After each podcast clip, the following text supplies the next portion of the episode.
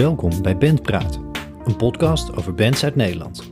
Gevestigde bands, bands die op het punt staan om door te breken, beginnende bands, bands uit de oude doos. Alles komt voorbij in deze zoektocht naar verhalen over alles wat met het spelen in een band te maken heeft. Ik ben Timo Epping, zanger en gitarist bij de band Rufus King. En ik ga in gesprek met de mensen achter die bands over, nou ja, bands dus, muziek, songs maken, studiosessies, gigs, toertjes en nog veel meer. Ik ben benieuwd naar de verhalen, naar de mensen, de ambities, uitdagingen, strategieën, inspiratie, alles. En ik hoop ook wat van iedereen te leren. Oké, genoeg voor nu. Tijd voor een nieuwe band.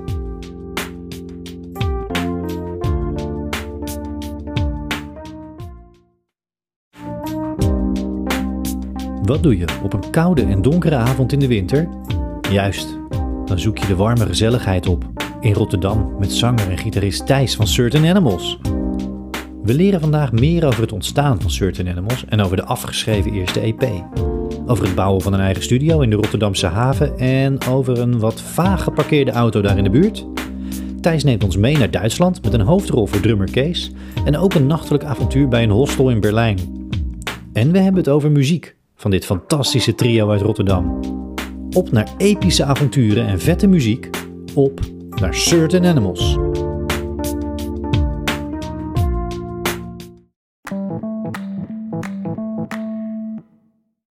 Ja, vandaag uh, afgereisd naar uh, Rotterdam voor Bandpraat. En uh, we zijn alweer een paar afleveringen onderweg. En ja, zoals altijd vind ik het weer een grote eer, maar dat vind ik ook echt. Want ik mag weer bij iemand thuis aanschuiven, aan tafel en dit keer zelfs. En dat is alvast gelijk goed om te weten, luisteraars. We spreken elkaar in december, dus gezellig onder de kerstboom zou ik willen zeggen. Er is nog net geen uh, knapperend haardvuur. Maar ik zit hier met Thijs van Certain Animals en dat is me een enorme eer. Thanks dat ik hier mag zijn. Nou, uh, ik vind het hartstikke leuk dat je er bent. Uh, inderdaad, een soort kerst, kerstcadeautje hè, vervroegd. Kerstcadeautje. Laten we dat kerstcadeautje dan nu gelijk uit gaan pakken. Oké, okay, okay, goed idee. nee, daar gaan we. Nee, thanks nogmaals. Ik, ik vind het heel fijn om hier te zijn. Top. Certain Animals, ja. daar gaan we het vandaag uh, over hebben. En daar gaan we het wat mij betreft uitgebreid over hebben. Uitgebreid? Uitgebreid, ja. ja uh, ga er maar eens goed voor zitten. Ja, zeker. Ook thuis. Uh, ook gelijk voor, voor vandaag weer, voor deze aflevering. En de mensen die Bandpraat alles geluisterd hebben. niet alleen ik, via Bandpraat podcast op Instagram of via Twitter... wil heel graag weten waar je zit te luisteren. Maar neem gewoon Certain Animals ook, ook mee. Tag ze even als je iets post. En laat even weten waar je zit te luisteren naar deze podcast. We willen het graag weten. We willen alles zien. We willen alles horen horen. En we horen ook graag wat je van deze podcast vindt. Certain Animals. Ja. Um, ja, als je, als je uh, eigenlijk in jullie verleden graaft, en dat, dat doe ik altijd graag in het je verleden van gedaan, bands. Ja, ik heb onder research ja. wederom nachtenlang niet geslapen om iedere hoek van jullie geschiedenis uit te pluizen. Oh, God, ja, ja, nou komt het. Ja. Maar die geschiedenis die gaat inmiddels al wel wat jaren terug. Want ja. uh, als ik het goed begrepen heb, is Certain Animals eigenlijk de, de, echt die wortel waar ik naartoe gegraven ben. Die komt in 2012, 2013 uit qua begin Certain Animals. En dan is er zelfs sprake van een eerste EP. Zou je ons tijdens mee kunnen nemen in dat begin van Certain Animals? Oh, dan moet ik inderdaad wel heel diep graven. Je hebt ook echt wel ver lopen terugscrollen op Facebook, Klopt. denk ik. Alles teruggescrollt, ja. ja. Tot aan het begin. ik weet niet precies wanneer het begin is. Of dat inderdaad 2012 zou goed kunnen. Om en nabij. Nou, het, het, het begon... Ik woonde in Rotterdam en ik had, uh, maakte al uh, uh, muziek... Ik maakte ook muziek voor mezelf. En toen kwam um, mijn bandmaat van de Wanna Beatles, een Beatles tribute band waar ik jaren in heb gezeten. De bassist die kwam naar uh, Rotterdam wonen. En um, ik had het met hem al vaker over gehad van ja, super nice met die Beatles en allemaal vrienden onder elkaar. Maar ik wil, ik wil wat zelf. Ik wil gewoon mijn eigen en niet in dat keurslijf van ja, die pakjes en wat, wat er per se moet. Ja, ja. Um, hij kwam naar, uh, naar Rotterdam toe, dus toen was, was het makkelijk. Konden we samen afspreken, kunnen we gaan naar kijken. Hij speelde bas, ik speelde al gitaar. We hebben het over Niels Jan. Niels Jan van Dijk, onze ja. bassist uh, trouwens. Uh, en um, Niels die, die zei, ja, we moeten een drummer hebben. Want dan, ja, dan doen we gewoon een trio, weet je wel. We hebben niet meer nodig. Lekker makkelijk, is ook met afspreken makkelijk. En het is altijd moeilijk met, als je 16 bandleden hebt, dan kan het blazen, kan weer niet. Weet je, het is altijd ellende met muzikanten. Ja. die blazers altijd. ja, dat, ja. Um, en hij huurde toen een huis en hij zei, ja, ik hoor wel eens beneden dat het zo op die van die oefenpads gespeeld wordt, uh, op, uh, van die drumoefenpads. Volgens mij is mijn huisbaas drummer. Zal ik het aan hem vragen? Ik zeg, ja, ja wat is het voor, voor jongen? Hij zei, ja, ik weet niet zo goed, wel een beetje... Hij loopt altijd met een grote hond en een, een leren jas en een beetje een spannende man. Spannende man. ja, maar ja, vraag maar. Nou, dat was dus Louis, onze eerste drummer. Ja. En die vond het dan een hartstikke leuk idee. En toen zijn we dat opgestart. Ehm, ja, ik denk... Ja, met helemaal niks. Ik had één idee wat we konden uitbrengen. En ehm, we zijn heel langzaam zijn we gaan repeteren en gaan doen. Gelijk ook als Certain Animals al? Of, of komt dat pas later? Nee, ja, mm, dat verhaal vrij vlot. Want toen hadden we een band en toen moesten we ook een naam. En toen dacht ik, ja, ehm, ehm, ehm, ik weet het niet.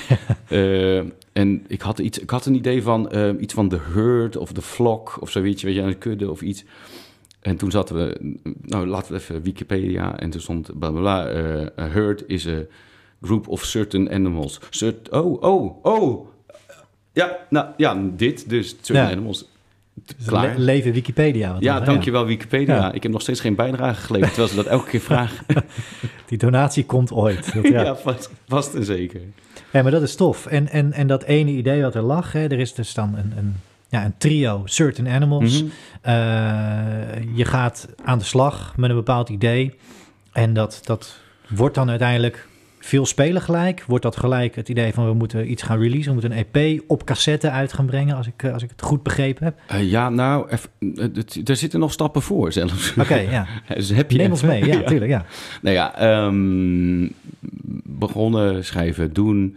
En ehm, het idee was, denk ik in ieder geval voor mij, is, wat ik net zei al, om uit dat keurslijf te komen. Dus het was Ja. heel erg rock en heel erg luid en hard en blues en stoer. ja. Ehm, en wij wilden daar ook gewoon wel wat voor opnemen.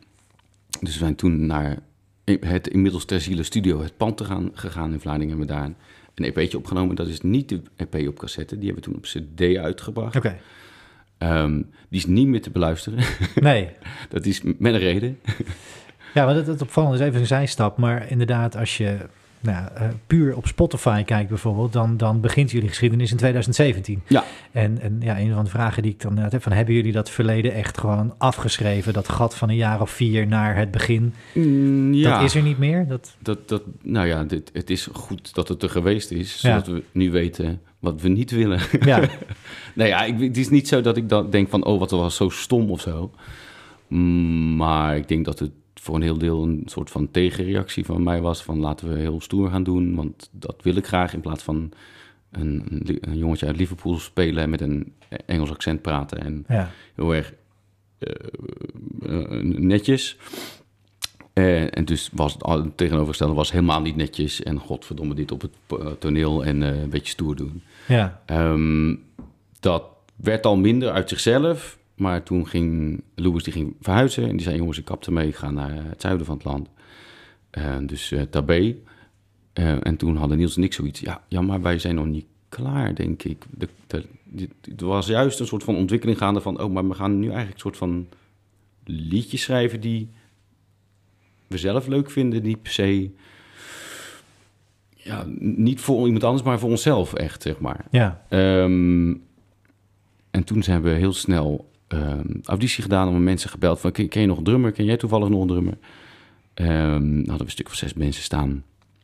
En toen eh zijn Niels, die had Francis Pronk van de po, Popunie toen de tijd aan, eh, aan de lijn. Die kende die nog van zijn werk daar. En die zei, nou, ik ken nog wel iemand. Mijn vriend, Kees, Kees Braam. Dus nou, la- laat maar komen. ja, dat was toevallig de eerste die dan kon komen. Ehm, maar hij had alleen geen drumstel. oké. dus dan hebben we nog van eh, een ex-zwager van Niels een drumstel uit Breda lopen halen. Eh, zodat hij kon eh, auditeren, zeg maar. ja, ja, Nou, vervolgens kwam hij meespelen. Hebben we eerst anderhalf uur zitten ouwe hoeren over whatever dat hij allemaal meegemaakt heeft in zijn vorige band. Hij had bij Pauw gezeten. oké, ja. En hoe dat allemaal was gegaan. En toen, oh ja, zullen we ook nog gaan Ja, laten we ook nog maar even spelen, weet je wel. Het was eigenlijk al gewoon...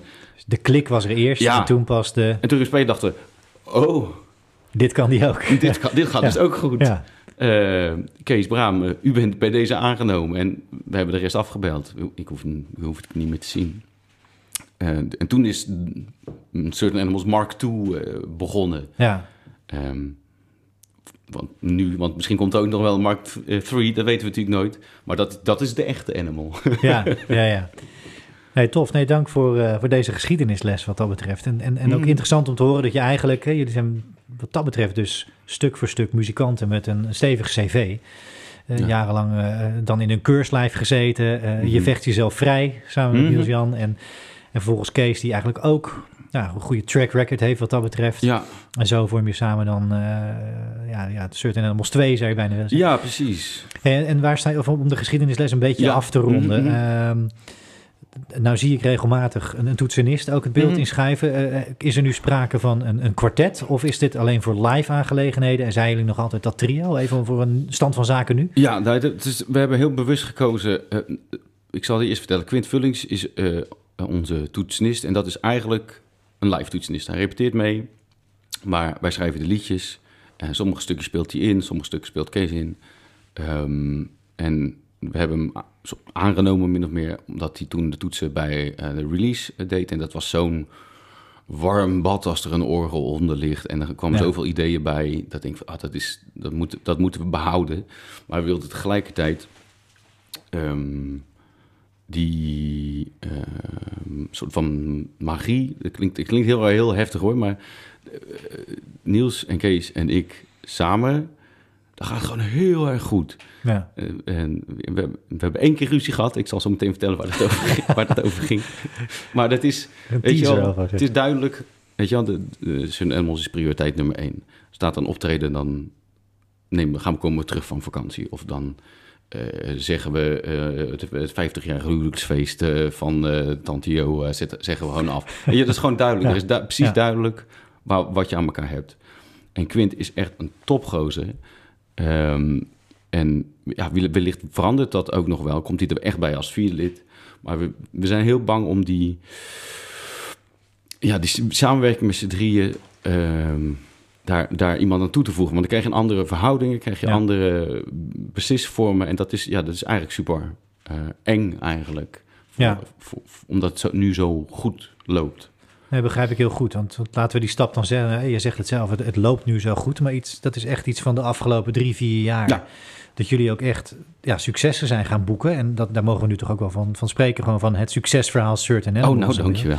Ja, nee, maar absoluut. Los van dat ik het zelf ontzettend tof vind, valt het ook anderen op. Hè, Ik bedoel, eh, ik, heb, ik heb in mijn huiswerk een waslijst van mensen in Nederland en, en België Ja. die jullie opgevallen zijn. En dan, dan hebben we het over Leo Blokhuis, Rob Stenders, Annemiek Schollaert, eh, tot, eh, tot, tot Stuurbru. Ja, Hè, dus, dus, dus het valt overal op. Veronica, 3FM, zag ik jullie in, eh, een jaar of drie geleden al staan. mhm. Ehm, maar is dat succesverhaal ook... Hè, de reden dat je zegt van het gaat nu goed, we zijn dat trio... Maakt dat jullie echt als een soort hechte eenheid als, als, als Certain Animals? ja de- ik, kan, ik kan me niet voorstellen dat het anders is. Ik hoor wel eens verhalen van andere bands, we noemen geen namen, die dan ehm, op een podium staan, maar niet met elkaar door één deur kunnen, Hm. weet je wel. Ik, ik heb jaren geleden, eh, ze spelen in, inmiddels niet meer, een voorprogramma mogen doen van de Golden Earring. Ja, En die kwamen alle twee, alle twee allemaal in hun Audi of weet ik veel wat aan. Met hun gitaarkoffertje allemaal los van elkaar. En ja, dat was gewoon werk. En, Ja, ja.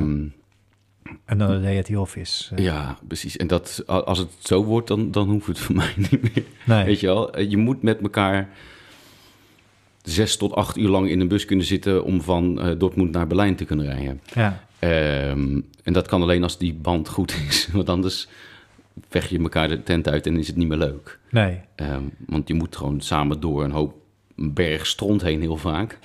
En ehm, wil je er aan de andere kant nog uitkomen en dan nog steeds de volgende berg stront samen induiken, dan, dan moet dat wel hecht zijn. Ja, Ehm, en, en dat is een heel belangrijk punt, denk ik. Het belangrijkste punt misschien wel. absoluut. En dat is dan ook op, op sociaal vlak. Ja. Heel, heel praktisch in sommige gevallen. Je moet met elkaar, dat, dat toertje door Duitsland gaan we het straks ook nog even Ja. over hebben, eh, als het mag. Ja, tuurlijk. Ehm, maar, maar is dat ook op creatief vlak zo? En, en dan misschien maar gelijk de vraag doorstellen: hoe, hoe werkt dat proces bij jullie? Het creatieve proces eh, van, van het hele pakket. Ik roep het vaker in, het pakket dit, het programma, het pakket Mhm. Certain Animals. Ja, Van jullie artwork tot backdrop. ja.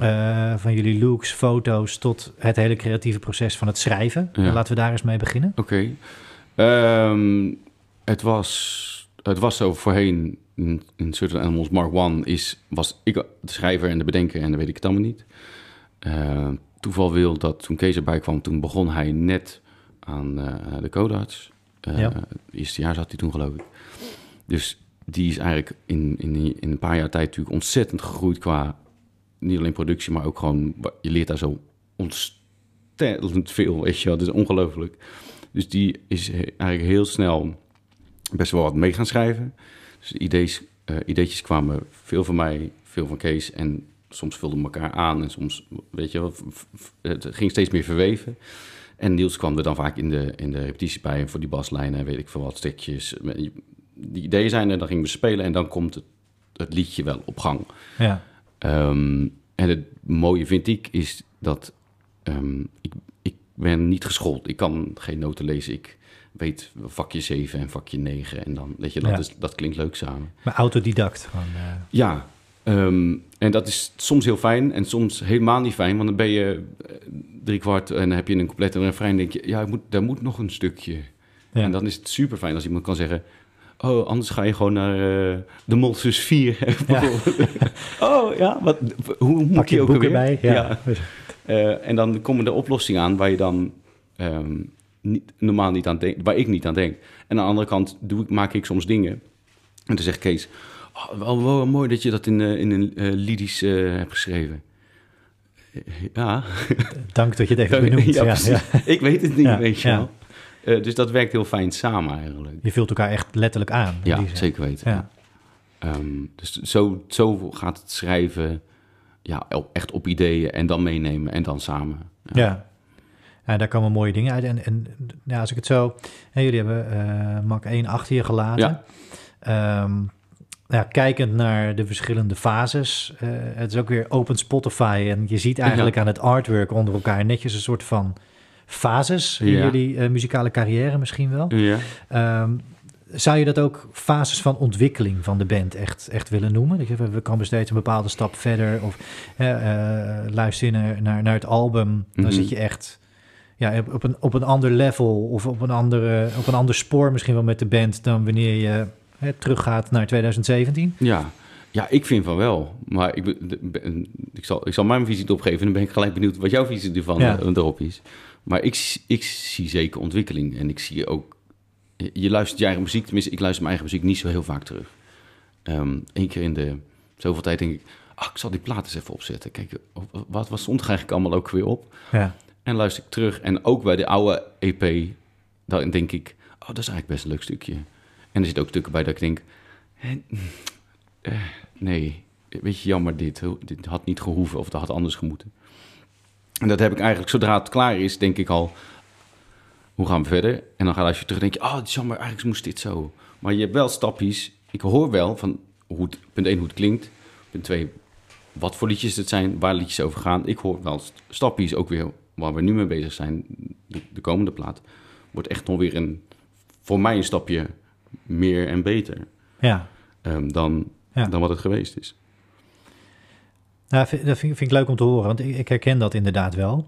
En eh, ik vind het ook altijd leuk om een beetje een persoonlijke touch te geven. Mhm. Hè, aan het geven van, van ja, misschien is het wel een, een deep cut in, in, in, jullie, eh, in, in jullie repertoire, maar Mhm. ik vind zelf Doormaus echt Oh ja. een ontzettend toffe track. Oh ja.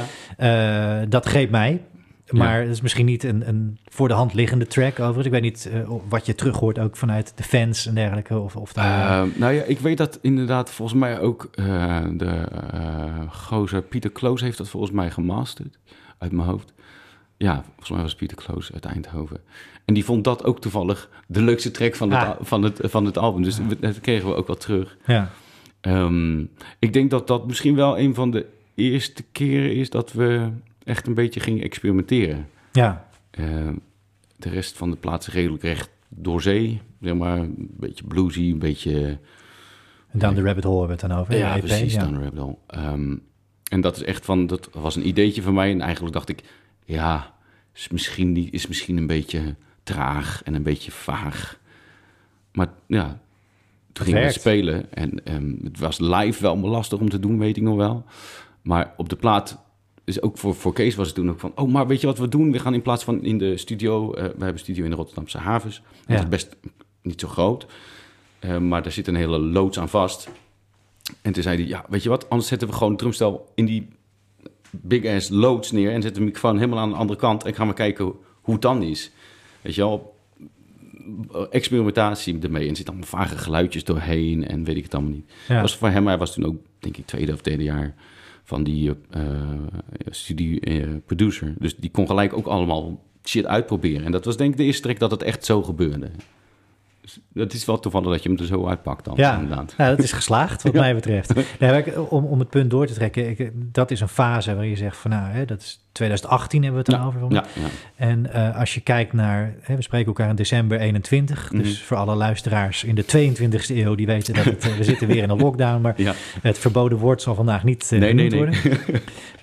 Maar het is weer heel anders dan wat jullie recent, bijvoorbeeld Midnight TV, hebben uitgebracht. Mhm. en, en, en het is herkenbaar Certain Animals wat mij betreft, dus Mhm. je, eh, zeg maar mijn visie.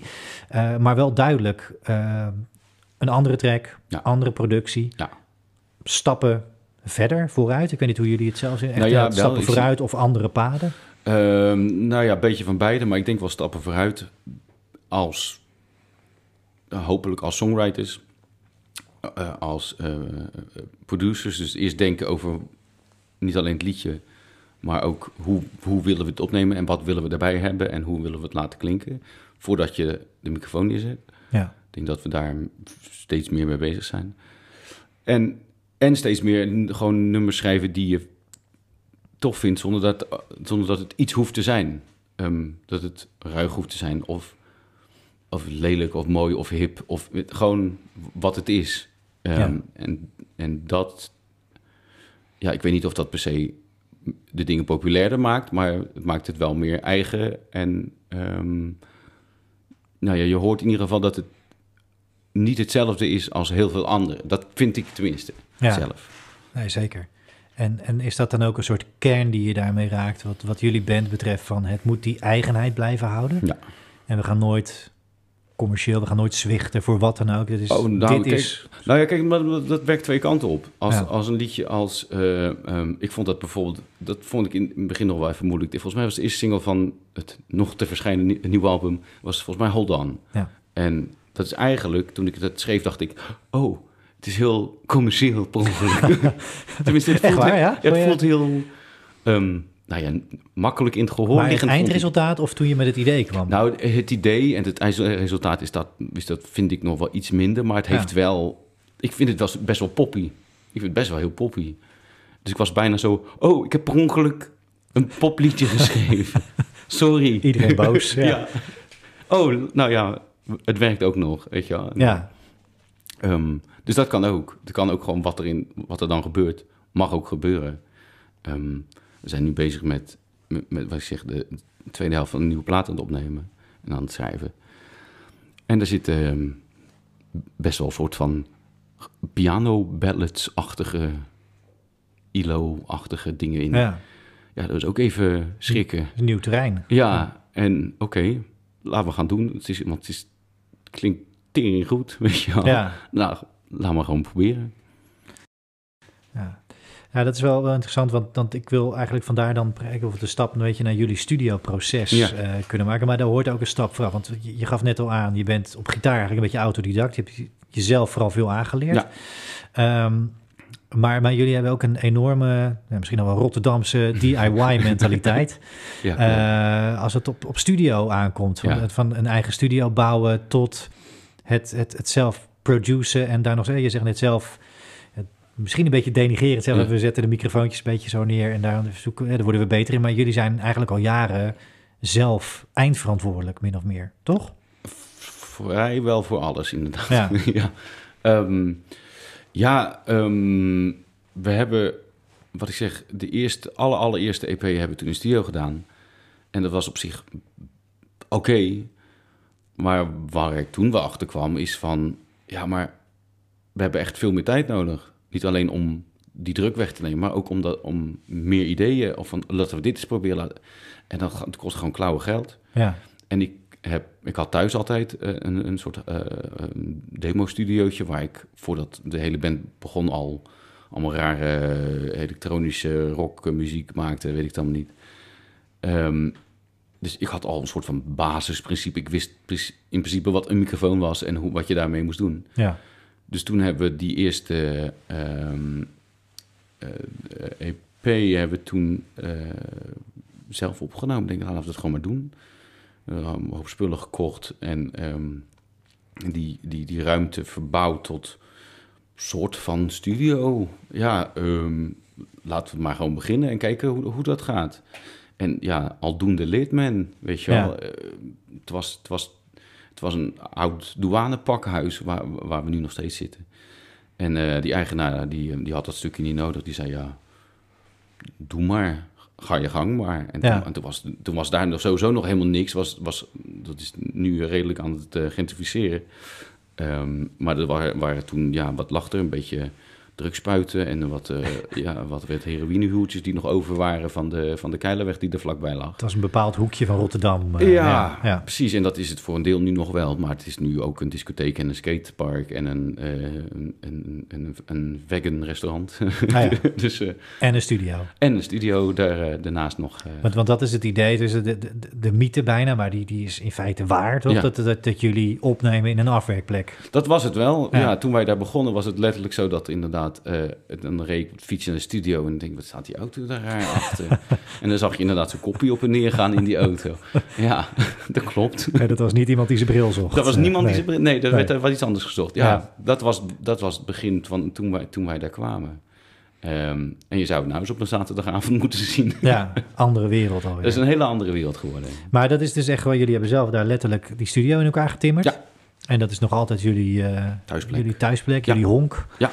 En ehm, ja, dat is ook dan een plek waar je met elkaar, je zegt we hadden die tijd nodig. En Ik denk dat veel bands, en, en met Bandpraat proberen ook een beetje dat platform te zijn van Mhm. bands die, eh, die of net beginnen of al wat verder zijn. Om, om ja, links en rechts ook wat, wat tips op te doen of wat eh, Mhm. eh, van andere bands ook mee te krijgen. En in jullie geval is dat gewoon echt wel heel nadrukkelijk, eh, wat ik al zei, die DIY-mentaliteit. Maar dus ook gewoon tot aan het bouwen van je eigen studio, Ja. repetitiehok, Ja. thuishonk aan toe. Ehm, is dat iets wat zomaar als idee dan groeit en dat je, nou oké, dan gaan we hier ook gewoon maar voortaan alles doen, alles opnemen en dat gaan we ook de komende jaren doen? Of, of zit daar echt gewoon ook een hele doortimmerde, en doordachte strategie achter die je vanaf het begin af aan eigenlijk had een visie? Nee, nee. Visie komt altijd achteraf. Dan vul je het in. ja, daar vul je het gewoon in. Nee, ja, kijk, ehm, we wisten dat we het zelf wilden doen. Ja, En ehm, weet je, ik ben geen grote klusser of zo. Weet je. Ik, als, ik kan schilderen en bouwen en breken. Maar het, voor mij was een kwestie van, nou, ik weet niet, volgens mij was het een tweede kerstdag of zoiets. Dat ik dacht van, nou, ik ben uitgevreten, ik hoef nergens meer naartoe. Ik ga naar die studio toe en ik ga nu die muren eraf trekken. En er waren allemaal van die plastic schrootjes. Ik ga, het nu gewoon, ik ga nu gewoon beginnen. En, en daar hebben we toen drie maanden lang alle muren helemaal kaal gemaakt. Er moest een vloer op hoger, er moest een muur uit. Dus hebben we nog een balk naar boven gesleept. Eh de oude toiletgroepen zaten erin. Het meurde als het... Dat is echt een heel, heel vies, smerig rotkarwei. ja, Ehm, maar goed, nou ja, twee, na twee maandjes hadden we wel een plek waar je gewoon veilig, vlugveilig en verdelig kon opnemen in principe. ja, En dat was, denk ik, eh, ja, nou, aan het eind van de tijdperk eh Lewis. Ehm, en toen heb ik dan daar zelfs ook nog dat, dat cassettebandje daar opgenomen. ja, Ehm, toen kwam Kees erbij, ging steeds verder, steeds verder.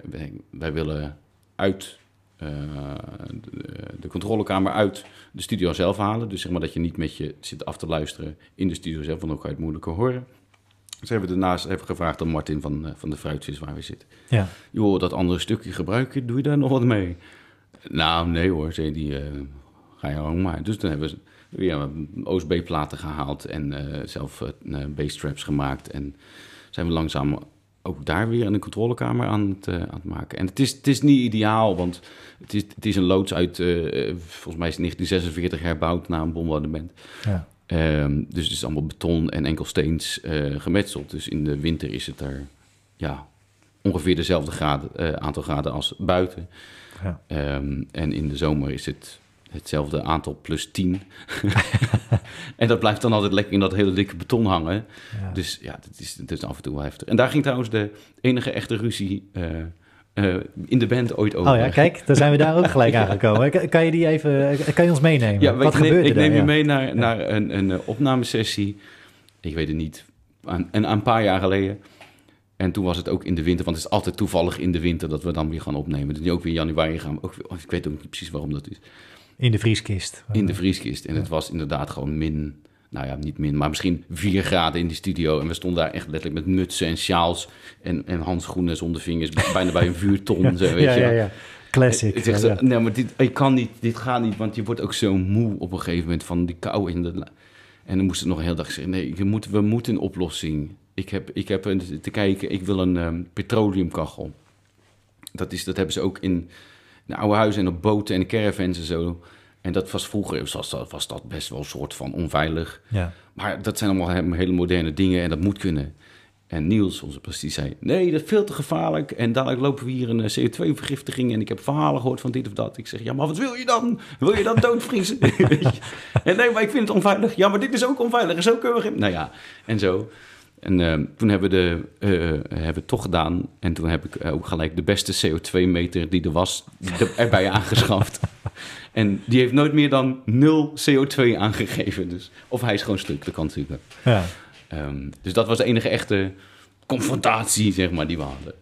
En die ging dan niet eens om muziek, Nee, maar om pure verwarming. ja, precies. Ja. Kou. Ja, hey, nee, ja dank voor, voor deze anekdote, voor Ja. dit verhaal. Ehm, ik wil even, want, want we zijn, eh, we hebben het, het- bouwen van de studio Ja. en uiteindelijk eh, ga je daar opnemen, ga je aan de slag, Mhm. eh, ontdek je steeds verder, ontwikkel je steeds Ja. verder en dan komt er een album in zicht. Ja. Songs to Make You Move. Ja. En daar begint ook misschien een beetje de pech. En we gaan het woord niet noemen. Maar ik heb het eigenlijk misschien een beetje ervaren voor jullie als een soort, soort van geluk bij een heel groot ongeluk. Dat dat album er niet kwam. En Ja. jullie hebben wel geteld acht singles Ja. gereleased vooruit. Ja. Maar juist die singles zijn volgens mij... Nou, het, het vonkje was er misschien, maar dit was echt het vuur. ja, dat is... En dan heb ik het over de landelijke radio en al die personen die dat oppikten. ja, Toch? Dat, ja, is inderdaad geluk bij een ongeluk. Ehm, en het geluk is met de domme, zeggen ze altijd. Dus ja, we zitten gewoon goed. Ehm, nou Dat zijn jouw woorden. Dat, Nee, ja, we konden natuurlijk gewoon ge- geen ene kloten. We konden helemaal nee, niks. Nee. En ehm, we waren al we waren super blij dat we eh, een label hadden die eh, eh, met ons die plaat wilde uitgeven. Ja. En die begon met een single en nog een single. En toen dat hele woord wat we niet noemen. Precies. en dat is This Could Be a Record Label, toch? Ja, het is weer TCBYML, Ja. zoals we het altijd zo mooi zeggen. Ehm, en die zeiden, ja, wat, wat gaan we doen jongens? Wat, wat, wat gaan we ja, moeten uitstellen? We moeten even zien. Zullen we gewoon anders gewoon... Ja, wij vinden dat er nog best wel heel veel goede liedjes op die plaat eh, staan. Dus ehm, om de paar maanden gooien we er een eh, naar buiten. En ze bleven plakken. Ja. In ieder geval een heel aantal bleven er plakken. En eh, we kwamen in de verrukkelijke 15 terecht met, een, met een liedje. En we mochten een keer spelen bij Leo Blokhuis. Nou, dit is eigenlijk best een heel goed plan.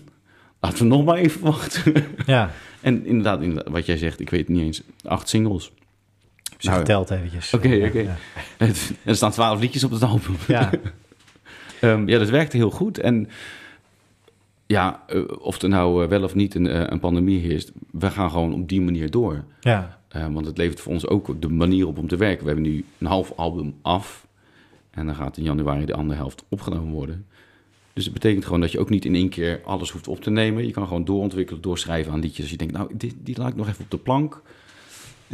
U weet nog niet wat mee moet. ja. En anders gaat het verloren of dan komt het niet op het album. En nu kan je gewoon wat, ook wat rustiger doorontwikkelen aan zo'n nummer. En dan maar, wordt het wel of niet een single. En of dat er nou acht worden nu, dat weet ik ook nog niet. Dat, dat zien we wel. Maar die druk is er dan in ieder geval niet. Maar nee. leg je misschien creatief of nou ja, puur kijkend naar cijfers of prestatie, is de lat eigenlijk met dat succes van met name afgelopen jaar, is de lat voor jullie daarmee ook hoger komen te liggen, bewust of onbewust? Nou ja, je verwachtingspatroon wordt Ja. anders. En ehm, daar hebben we het eigenlijk best wel vaak over. Ehm, hoe, ah, hoe snel dingen normaal worden. Ja, Ehm, in 2017 of 2018, als je dan gezegd had... Ja jongens, eh, je staat eh, met de derde single op rij... sta je in de verrukkelijke 15 bij Leo Blokhuis. Ah, nee, dat is niet waar. Dat kan niet. nee. Dat kan zo om God mogen. Dat kan. Dat geloof ik niet. Ja, dat, dat, met lovende woorden. En, eh, ja. ja, maar dan gebeurt dat vier keer. En dan denk je... En dan komt de volgende single uit. En die staat er dan niet in. Dan denk je... ah, dat is wel, wel, wel een beetje jammer. Ja, hebben we iets verkeerd gedaan. Ja. Hebben we iets verkeerd gedaan? Of Ja. is het gewoon, weet je wel, pech? Of, weet je wel? Dus, en, en ehm, als je... Ik denk, dat het, ik denk dat met heel veel dingen zo is, weet je wel. Ehm, hoe vaker iets gebeurt, hoe gewoner iets wordt... en hoe leuk dat, dat dan ook mag zijn dat je op de radio gedraaid wordt. Als je voor de tweede keer op de radio gedraaid wordt, is het een, is het een feest. En dan trek je de kurk, eh, ontkurk je de champagne. Ja. Als je voor de twintigste keer op de radio gedraaid wordt, dan jee, we zijn er. Maar als je 200, weet je wel, dat is een glijdende Ja. schaal naar beneden. En het is nog steeds iets bijzonders. En, zo- en ik denk dat we er wel bewust van zijn dat het gebeurt. En we moeten ons en daar ook bewust van blijven. Van, oh, maar joh, weet je hoe fucking bijzonder het is dat we gewoon nu weer gedraaid worden? Ja. Ik zag de, de Niels stuurde door ehm die jaar, jaarafrekening zeg maar, van, eh, van de Verrukkelijke 15 staan we geloof ik staan we twee keer in, in die eind- eindlijst van de meeste weken en weet ik van positie. Ja, ja. Dus ik, wat verdorie, dat is, weet je wel, dat is het programma van, dat je denkt van, oh, daar komen de goede bands in. Weet je Ja, hoe vet is dat als je Ja. dan tussen, ja, twee keer tussen staat. Ja, dat vind ik echt heel, dat is eigenlijk heel bijzonder en soms Ja. vergeet je dat wel eens. ja. Klopt. Maar blijf, blijf je daarin ehm, in de creativiteit die je zoekt en als je nieuw, eh, aan nieuw materiaal werkt en nieuw, nieuwe muziek, heb je dat in je achterhoofd zitten? Oké, nu moeten we wel een bepaalde standaard brengen of, ehm, of, Nou. of weet je niet, is dat, blijft dat toch een bepaald gevoel? Van, nou, een liedje moet voor mij goed zijn. Is, het- is het meer dat persoonlijke, is het dat eigene, die kern? Blijf je die houden of ga je nu wel met een bepaalde, eh, dat je per ongeluk dan een keer een popliedje schrijft, maar is er is een bepaald knagend iets in je achterhoofd van het moet aan een bepaalde standaard voldoen. Nou, het moet altijd aan een bepaalde standaard Ja. voldoen. Ehm, maar of dat nou de radiostandaard is of de uh, muziekcritici standaard of weet je wel, daar ga ik niet over. Nee. Ehm, daar bemoei ik me ook niet mee. Ehm, het is wel grappig, eh, nu de laatste was eh, Midnight TV, die was toevallig niet in de eh Verrukkelijke 15. En Niels die zei, die voorspelde het al, want die zei, ja, maar er zit een heel lang intro aan. En dat is een beetje een vaag met veel achteruitgedraaide vocalen. Ja. En dat duurt een seconde of nou, misschien tien of zo voordat het nummer inkomt. Ja, is te lang voor een radio-dj. Is Ja. te lang voor een ding. Dus dat gaat er niet worden. Ehm, en, hij zei- en toen zei ik tegen hem, daar zou je best wel eens gelijk in kunnen hebben. En misschien is dat de reden, misschien ook helemaal niet. Misschien vinden mensen het gewoon geen leuk liedje. Maar wat ik in ieder geval niet wil, is zo'n intro aanpassen. Nee. Ehm, want dat is wel bedacht met reden, omdat wij dat echt tof vonden. Ik denk van, oh, dat is echt nice. Dat was echt een, een, een vinding ook. Dat was iets wat per ongeluk gebeurde. Kees zei, ja, we hadden al een intro, een beetje vaag dinges. En Kees zei, wacht, als ik die vocalen nou van het eerste couplet gewoon omdraai, dan past dat precies qua toonhoogte over dat intro wat we al hadden. Wat? Weet je wat? Tof. Ehm, en toen hebben we dat zo gedaan. Ja, en komt het dan daardoor niet op de radio? Misschien, maar ik, ga, dan- ik vind het nog steeds een fantastisch mooie intro. Er zit niet stiekem een eh, geheime boodschap in. eh. Ja, dan, moet je hem, dan moet je hem achteruit spelen. Ja. eh, Inderdaad, dan moet, dan moet je wachten op... eh, Nou ja, daarmee kan je natuurlijk alsnog eh, een mythe creëren. Ja, ja, hier ter plekke. Dit is je kans. nee, tof. Maar, maar het, eh, het is dus toewerken naar een nieuw album. Ja. En dan om het, eh het, het studiodeel van, van, van ons gesprek hier even, eh, Mhm. even af te ronden. Ja. Dat album komt wanneer? dat komt...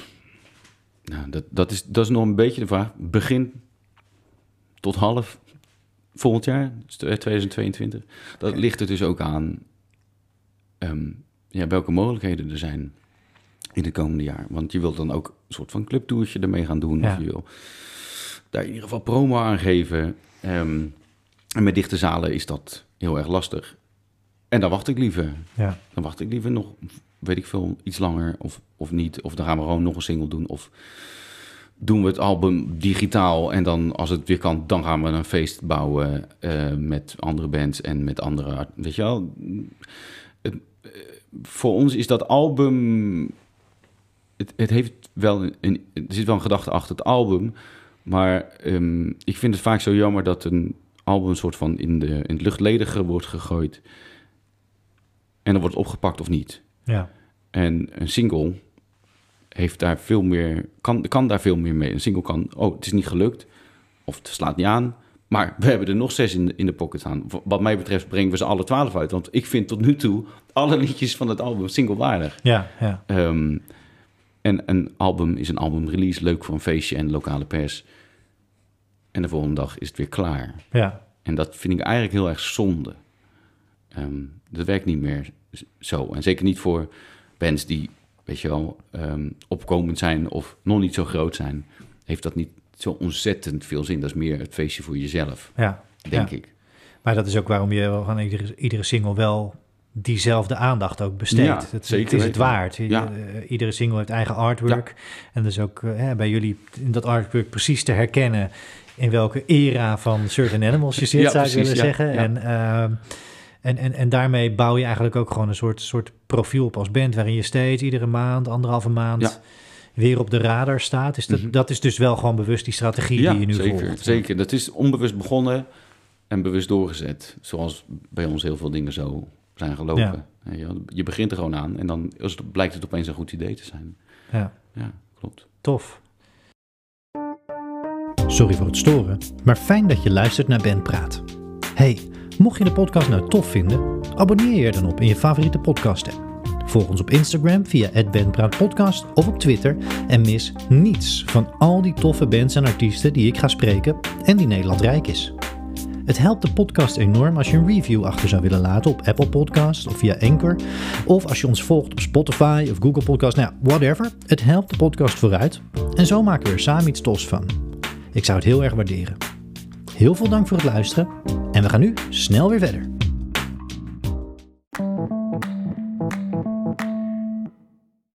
hey, dan, eh, ja, het is al even genoemd, de clubtour. Ja, eh, eh, gelukkig hebben jullie wat kunnen spelen de afgelopen maanden. Dan Mhm. hebben we het over, nou zeg maar, het, het, het laatste kwart van, van 2021. ja, Nu zitten we in december, zit alles weer op slot. Ja. En misschien moet je het album maar over de winter heen gaan tillen eh, als je een clubtoertje wil. Maar Ja. we, we weten nu nog niet op dit moment waar het naartoe gaat. nee, Maar ehm, gaan we eventjes toe naar live Certain Animals, Mhm. de live act. ja, Eh, want volgens mij hebben jullie een behoorlijk stevig, eh, en dat is op jullie website ook terug te vinden vanaf 2017, wat jullie gespeeld hebben. Dat is een waslijst. Ja. Een behoorlijk stevig live profiel opgebouwd. Dat Is- hoop ik toch. Ja, maar is dat ook iets echt, echt wat, wat jullie graag doen? Hè? Dus jullie zijn misschien wel een beetje studiodieren. Om, eh, Ja. om, om dat zo, en dat is geen bewuste woordgrap over, ik bedenk het nu ter plekke. Maar jullie zijn veel met dat studioproces bezig. Maar tegelijkertijd ook lekker spelen, lekker de wereld in. Letterlijk de wereld in, daar komen we straks nog op. Maar Ja, dat live profiel, dat live spelen, dat, dat ligt jullie volgens mij ook gewoon heel goed. Ja, als, ik- als steengoede live band. ik vind het het leukste wat, om, leukste wat er is. ja, Weet je wel, ehm, ik, kan niet, ik zou niet kunnen kiezen tussen studioopnames of eh, live spelen wat, wat, wat ik toffer vind. Het, is, het, een, zijn twee andere sporten, weet je. Het is eh, eh, ehm, iets wat moet en wat erbij hoort. En waar we ook heel bewust mee bezig zijn, dat we het eerst live kunnen spelen voordat we het gaan opnemen. Dus het idee wordt bedacht en dan zijn koortjes bij in driestemmigheid. En dat kunnen we leuk verzinnen. En dan kan je dan ook gelijk wel heel makkelijk opnemen, want dan kan toch 3000 keer overnieuw. ja, Maar ehm, we willen het live ook kunnen. Dus we gaan het niet opnemen voordat we het in ieder geval in de basis kunnen uitvoeren. En dan kan je dat nog wel versieren en dubbeltrekken en, en, en, en mooier maken. Ehm, maar het moet wel live kunnen. En ik denk dat we daar heel erg veel aan gewerkt hebben. En gelukkig ook nu de tijd voor hebben gehad om aan, aan, aan te kunnen werken met, met eh, het album Songs to Make You Move. Want dat was opeens ja. Al heel veel driestemmigheid. Eh, terwijl de muziek, de muziek gewoon doorgaat, zeg maar. En dat, dat heeft wel even gekost om dat de- erin te krijgen. ja. Dat, dat was wel spannend, zeker de eerste keren dat dat, eh, dat, dat moest. Is dat ook iets in je persoonlijke ontwikkeling? Dat je zegt van, goh, dat, dat, die combinatie gitaar, zang, dat zat er van nature misschien al in? Of is dat ook echt iets waar je heel veel aan hebt moeten werken? Nog even los van meerstemmigheid en, en als band, en wat je zegt, door blijven spelen en tegelijk Ja. ook nog zingen? Ja, nou ja, ik, ik was het in principe wel gewend. Bij de Animals, want, want ik zong eigenlijk altijd al. Ja, Maar ik was dan weer niet gewend om met anderen mee te zingen. Dus ik had heel veel eh, vrijheid. Als ik lager of hoger of zachter of harder of andere timing wilde doen, kon dat allemaal Ja. voorheen. En nu moet je daar echt wel afspraken over maken en rekening mee houden. Ehm, hoe hard, op op wat voor manier dat je die zin eh, aangaat of, of dat stukje aangaat. Ehm, en daar is, ik ben ook zanglessen gaan nemen tijdens het, eh, het schrijven van uh, Songs to Make You Move. Van, oké, maar nu moet ik echt, echt gaan opletten van hoe, hoe hou ik dit een uur, anderhalf uur vol. Want je, je redt het niet op schreeuwen en kracht alleen als je koortjes moet gaan doen de hele Nee, tijd. nee. Ehm, en ook eh, met, als, als band hebben we toen zanglessen genomen van hoe, we, hoe kunnen we nu samen zingen? Hoe kunnen we, waar moet je op letten? Wat voor toon eh, wil je neerzetten? Wat, voor- wat voor kleur van de vocalen wil je neerzetten? Ja, Ehm, en zeker met Quint eh, erbij op toetsen, ja, krijg, je, krijg je een veel groter, wordt je kleurdoos veel groter. Dus je kan veel meer kleurtjes eh, op, op, op een podium neerzetten. ja.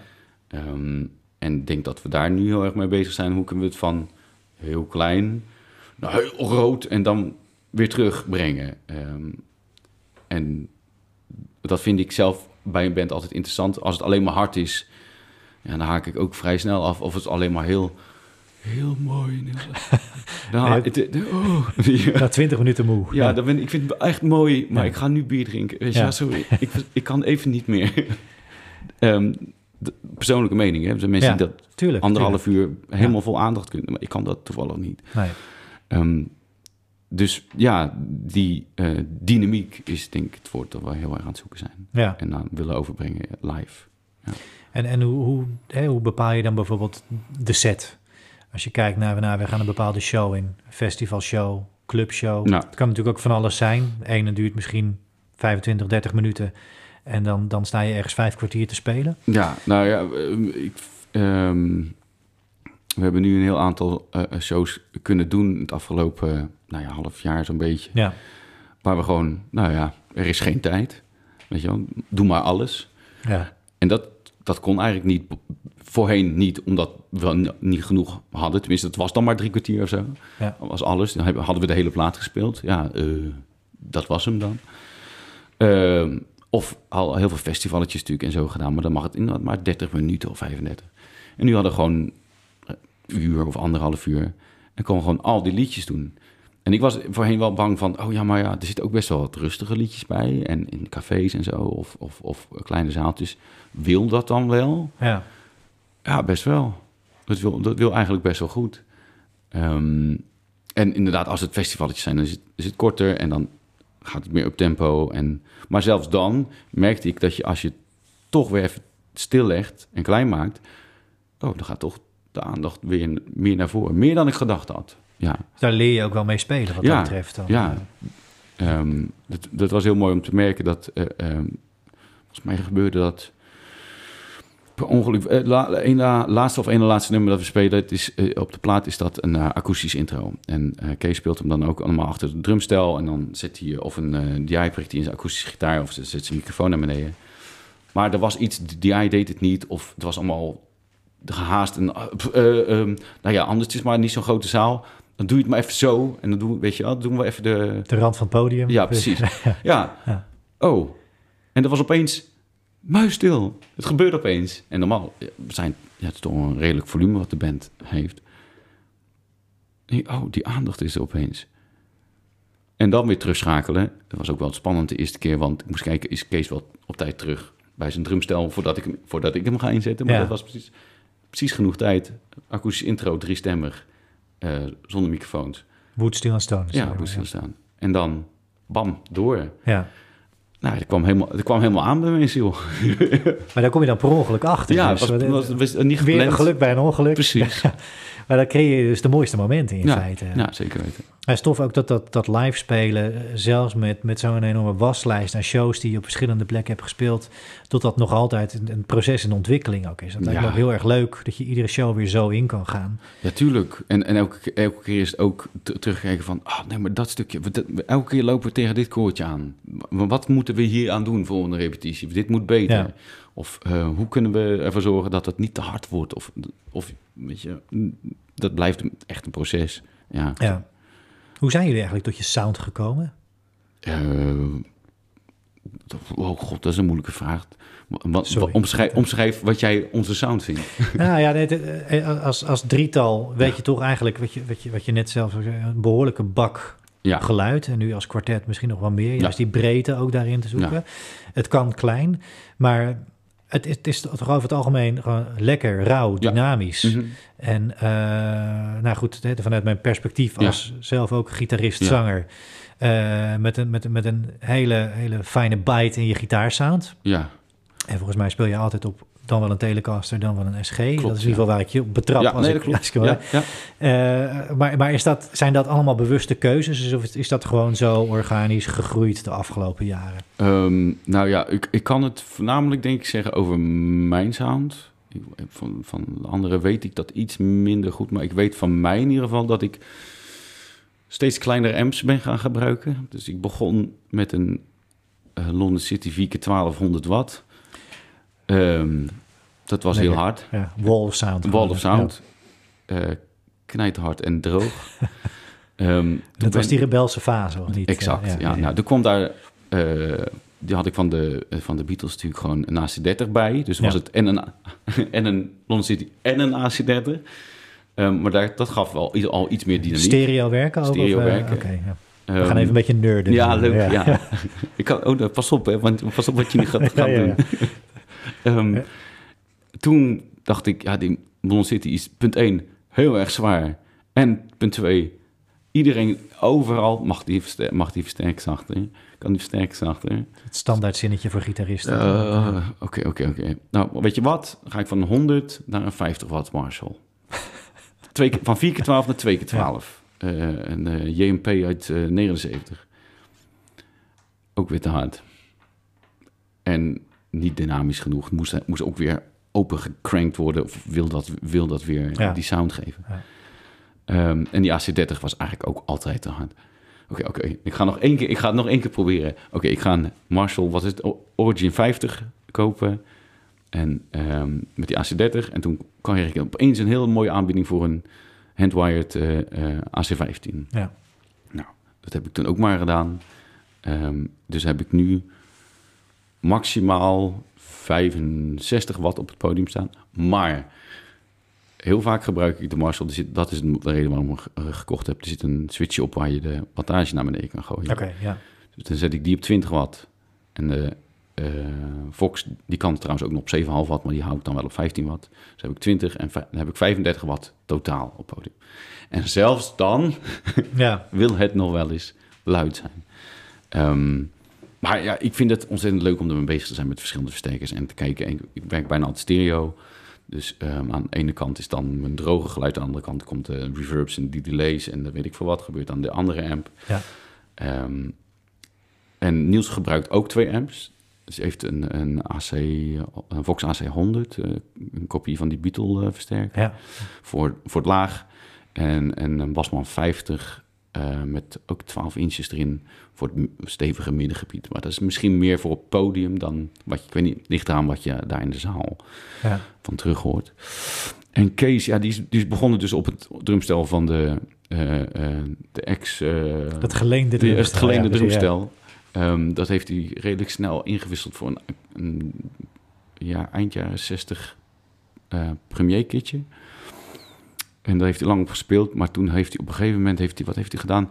Oh ja, die had zo'n best wel een kleine basdrum. En toen had hij ergens uit een, uit een van Marktplaats een, een marching eh, eh, kickdrum. Dus volgens mij, was, volgens, volgens mij is het vroeger zo'n trommel geweest die je voor je buik moest doen bij de harmonie, zeg maar. Ja, ja. Uit 1930 of zo. En die heeft hij toen helemaal uit elkaar getrokken en een nieuwe wrap eromheen gezet, een nieuwe vel erop gezet. Dus nou is het een, ik weet de inches niet, maar zo'n hele grote dat je bijna Kees niet meer ziet. Een ba eh, geworden. En dat is wel echt, bijvoorbeeld, er is ook geen gat in, dat is zo'n John ja, Bonham sound Ja, eigenlijk. Ja. Ehm, dus ja, ik ben heel bewust mee bezig. ehm, en ik vind het ontzettend leuk om daarover te nerden, inderdaad. En Ja. pedaaltjes ehm, verzamelen. En ja, prachtig. Ja, ze liggen hier ook bijna letterlijk onder de kerstboom, al die pedaaltjes. Zijn cadeautjes. Het is heel herkenbaar. En ik denk dat het voor veel luisteraars met, eh, met een gitaarfetish... eh, eh, ja, zal dat heel, heel herkenbaar zijn... dat je daar toch altijd weer veel te veel geld aan uitgeeft... of veel te veel uren op Marktplaats rondhangt. Zeker weten. Het is herkenbaar. Mm, En, en niemand neemt het je kwalijk. nou, gelukkig maar. Nee, even, voordat we richting de, de, de welbekende rubrieken gaan... Ja. althans voor de luisteraars, en dat is natuurlijk iedereen... Ja. eh, dan gaan we daar straks naartoe. Ja. Eh, maar ik wil, ik wil nog heel eventjes eh, eh, verder met dat live reces. We zijn er eerder al even opgekomen Mm. toen jullie het hadden over je moet acht uur met elkaar in een bus kunnen zitten Ja. in Duitsland. Ja, Jullie hebben dat toertje gedaan. Jullie Ja. hebben eerder ook al eens zo'n zo'n tripje naar Duitsland Klopt. gemaakt. Jullie hebben een keer in Antwerpen gespeeld. Dus er zijn wat internationale gigs geweest. ja. Kun je ons eens meenemen gewoon in dat proces van het meest recente toertje? Volgens mij was het al lang weekend Duitsland. klopt. Ik weet niet meer precies Het, of, of het is- donderdag zijn we ook. Nou ja, Je gaat een busje in. Ja, je hebt dat ergens een keer georganiseerd. Hoe, hoe werkt dat voor mensen met diezelfde ambitie? Voor bandjes die dat ook zouden willen? Ehm, nou ja, wij, wij hebben twee jaar, uit mijn hoofd twee jaar geleden, zijn we daar toen eens mee begonnen. Omdat wij allemaal ontzettend goede verhalen hoorden van andere bands. Van, hey, eh je moet keer in Duitsland, man. Volgens mij vinden jullie, jullie muziek daar heel tof. En het zijn gewoon altijd toffe mensen. Het is mooi geregeld en het is gewoon, het is gewoon nice. Dus toen zijn we gewoon blind... ehm, een paar honderd kilometer Duitsland in een, eh, eh, via, eh, via Google zoek naar Duitsland het spelen voor rockbands. Ja. Ehm 300 adressen gevonden en ze allemaal een mailtje gestuurd. En daar kregen we er een paar van terug. En dat was toevallig waren dat er een, een stel in Dortmund. ja. Ja, en ik ben dan vrijwel nooit zo hartelijk ontvangen als, als, als in die shows die we daar hebben gehad. Ehm, het was een soort cultureel centrum en de andere was een soort, mm, eigenlijk een soort punkkroeg. Dus we hadden zoiets, oh mijn god, oh mijn god, wat, wat gaat dit worden, weet je wel. Ehm, maar ja, volgepakte avonden. En ze deden daar dan, ehm, doen ze daar met, de met de hoed rond. Eh, dus je krijgt geen gage, maar mensen gooien gewoon centen in de hoed. Ja, en we zijn daar nou beter betaald dan menig show in, eh, in Nederland. Dus ja, dat vond ik heel bijzonder. En super gastvrij ontvangen. En we mochten blijven slapen bij mensen. En we kregen een ontbijt de volgende dag... waar we dan de hele dag niet meer van hoefden te vreten... omdat we zoveel kregen. Weet je, dus dat, dat was twee jaar geleden. En toen en een heel eh, aantal plekken die wilden ons terug hebben. En eh, sommige plekken die waren dan op dat moment dicht... maar dan konden we weer ergens anders. En via via kregen we dus ook nog de aanbieding van... oh, maar wacht, onze boeker... die kende nog een plek in Berlijn. Nou, oké ja. zonder er heel erg bij stil te staan hoe ver Berlijn precies is. Nou ja, rijden we toch gewoon door ja. naar Berlijn. nou, dat heb ik wel geweten. ja. Ja, Maar ook dat is goed gekomen. dat is uiteindelijk eh, goed gekomen. Eh, Kees is, heeft nogal last van wagenziekte. Ja. Dus die, eh, die ging op de eerste stuk van Dortmund naar Berlijn achterin zitten. Dat liep bijna verkeerd af. Toen ze Ja. echt gewoon, nu, we moeten nu de snelweg af, nu, nu. Het werd een beetje zuur. Zeg werd een beetje een zure bedoeling. Ja. Ehm, ja, en toen waren we nog net anderhalf uur onderweg. En toen moesten we nog een uur, vijf rijden. Ja. Dus het was, ja, het is bijna een, een, een, een, eh, ja, hoe zeggen we dat? Ehm, surrealistisch. Ja. Dat je na eerst zes uur in, in, in, in die car zit en dan ergens aankomt. Het hele aparte kroeg ook. En, ehm, oh ja, dat was het volgende. We gingen gelijk even regelen. Joh, eh, de slaap, want daar, zij hadden een slaapplek geregeld, een, eh, een hostel in, in Berlijn. Ehm, dus wij zeggen, joh, eh, nou, spullen inladen en neerzetten. Heb jij, eh, heb jij die gegevens van het hostel? eh, of dan de dingen, dan kunnen we alvast zeggen dat we er zijn of hoe laat hoe dat verder gaat. Zij geven die gegevens. En ze- wij zeggen, ja, maar dit is voor drie personen. Ja. Ze hadden dus alleen gekeken naar de persfoto, waar, waar drie personen op stonden. Ehm, en wij waren met eh, sowieso Quint erbij op toetsen. Ja. Zijn vriendin ging mee voor de, eh, de merch en de PR. Eh, en we hadden Anthony, onze geluidsman, bij ons. Dus er waren nog steeds drie mensen zonder slaapplek op dat Ja. moment. Dus Anthony is gelijk, nou oké, ik ga het nu regelen, bla bla bla. Dus die is gelijk in de, in de telefoon gedoken en die heeft nog drie bedden bij, bij geboekt. Waren het niet dat we uiteindelijk om twee uur s'nachts bij dat hostel aankwamen. Nou, de hele show die fantastisch leuk was, daar niet van. En zeggen, nou, eh, wij hebben net gebeld, weet je, we hebben drie, eh, drie plekken, eh, drie bedden. En, en er waren al drie bedden ge- geregistreerd, geregistreerd door, door die, door die café. En het was toen, nou, ik zeg maar wat, ik weet even niet wat, het was toen eind september of zo zou het wel kunnen. Ik weet niet Ja. meer precies. Maar zeg dat het 17 september was. en ze, ja, maar die, die zijn geboekt voor eh, 17 november. Kleinigheidje. Ehm, Ja. Dus over, dat is over een maand. Maar wij zijn er nu. ja, nee, ja. Helaas. dus dan moet je bij andere, moeten wij bij andere mensen op de kamer. En die, die jongens die wisten niet wat doortrekken was. Dus het, het, het- uiteindelijk hebben we met z'n allen op één kamer geslapen. Voor de paar uur die er nog over waren. Want de volgende dag moesten we van Berlijn weer terug naar Rotterdam rijden. Ja, Dus ja, dus dan was moet je eh, wel goed met elkaar kunnen omgaan. het was een korte overleven. trip, maar wel een hele intense. eh, Super intens. En ook nog lekker gespeeld. Ja, Nou, nou wil ik heel even naar een... ehm, in de eerste aflevering van Bentra zat ik met, eh, met El Fatso. Ja. En daarin werd eigenlijk gezegd, op basis van een toertje naar Spanje, dat zij hadden gedaan, voor rockmuziek moet je eigenlijk in het buitenland zijn, zit je in Nederland helemaal verkeerd. Nou hebben jullie denk ik alle podia in Nederland, in ieder geval de, de, de gerenommeerde podia, verschillende kroegen. Jullie hebben heel veel plekken in Nederland Ja. gezien.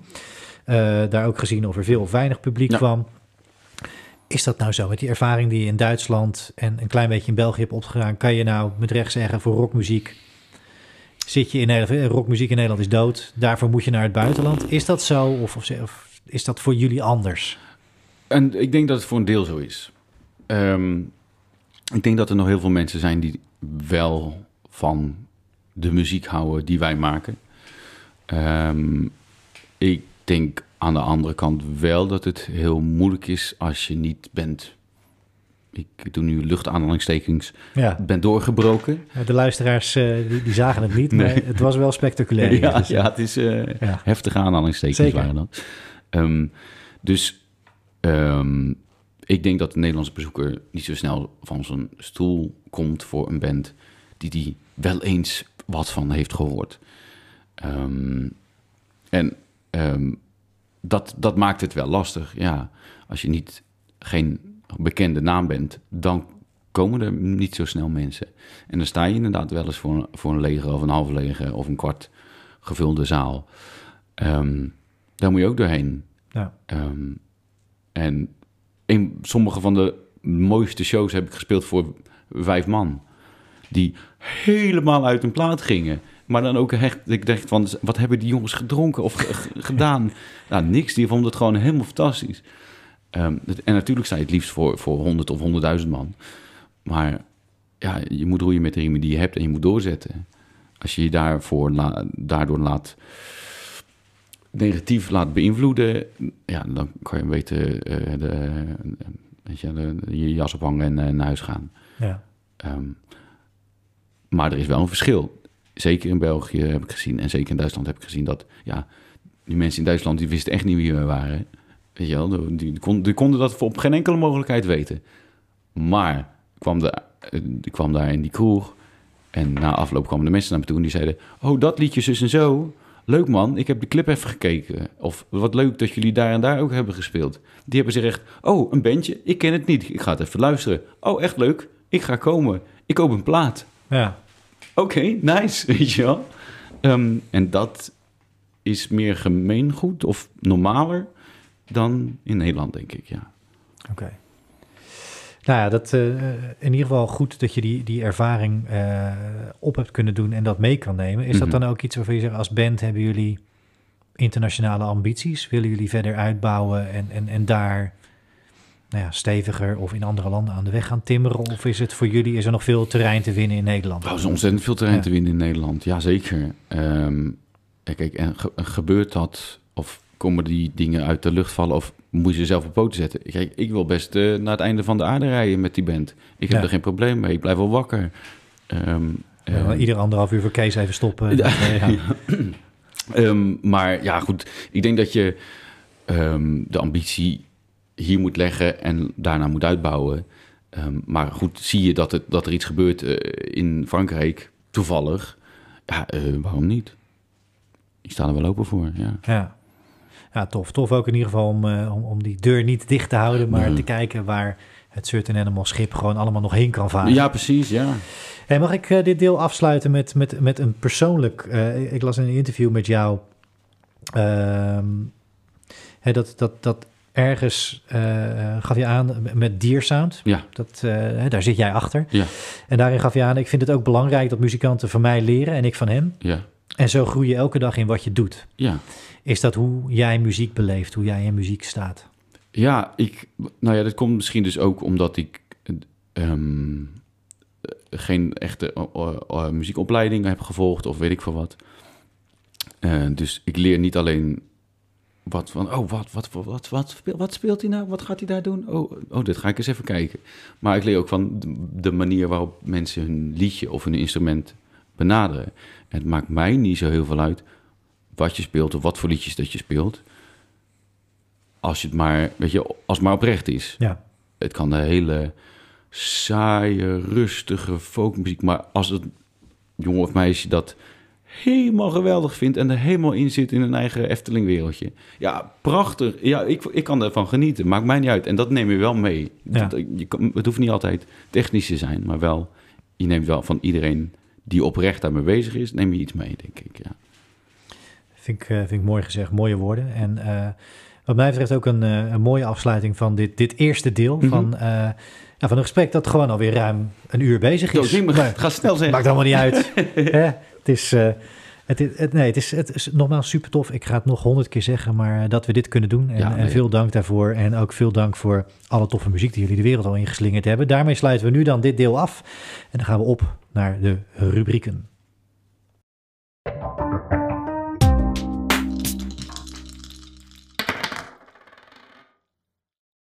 We gaan eventjes meemaken of we ja, hier eh, in de gezelligheid en de warmte onder de kerstboom. Ja. Het is gelukkig niet eh, in, in, in jullie, eh, jullie studio. Nee, daar is niet in, min in, in de vier, kou. Of, Ja. ja. precies.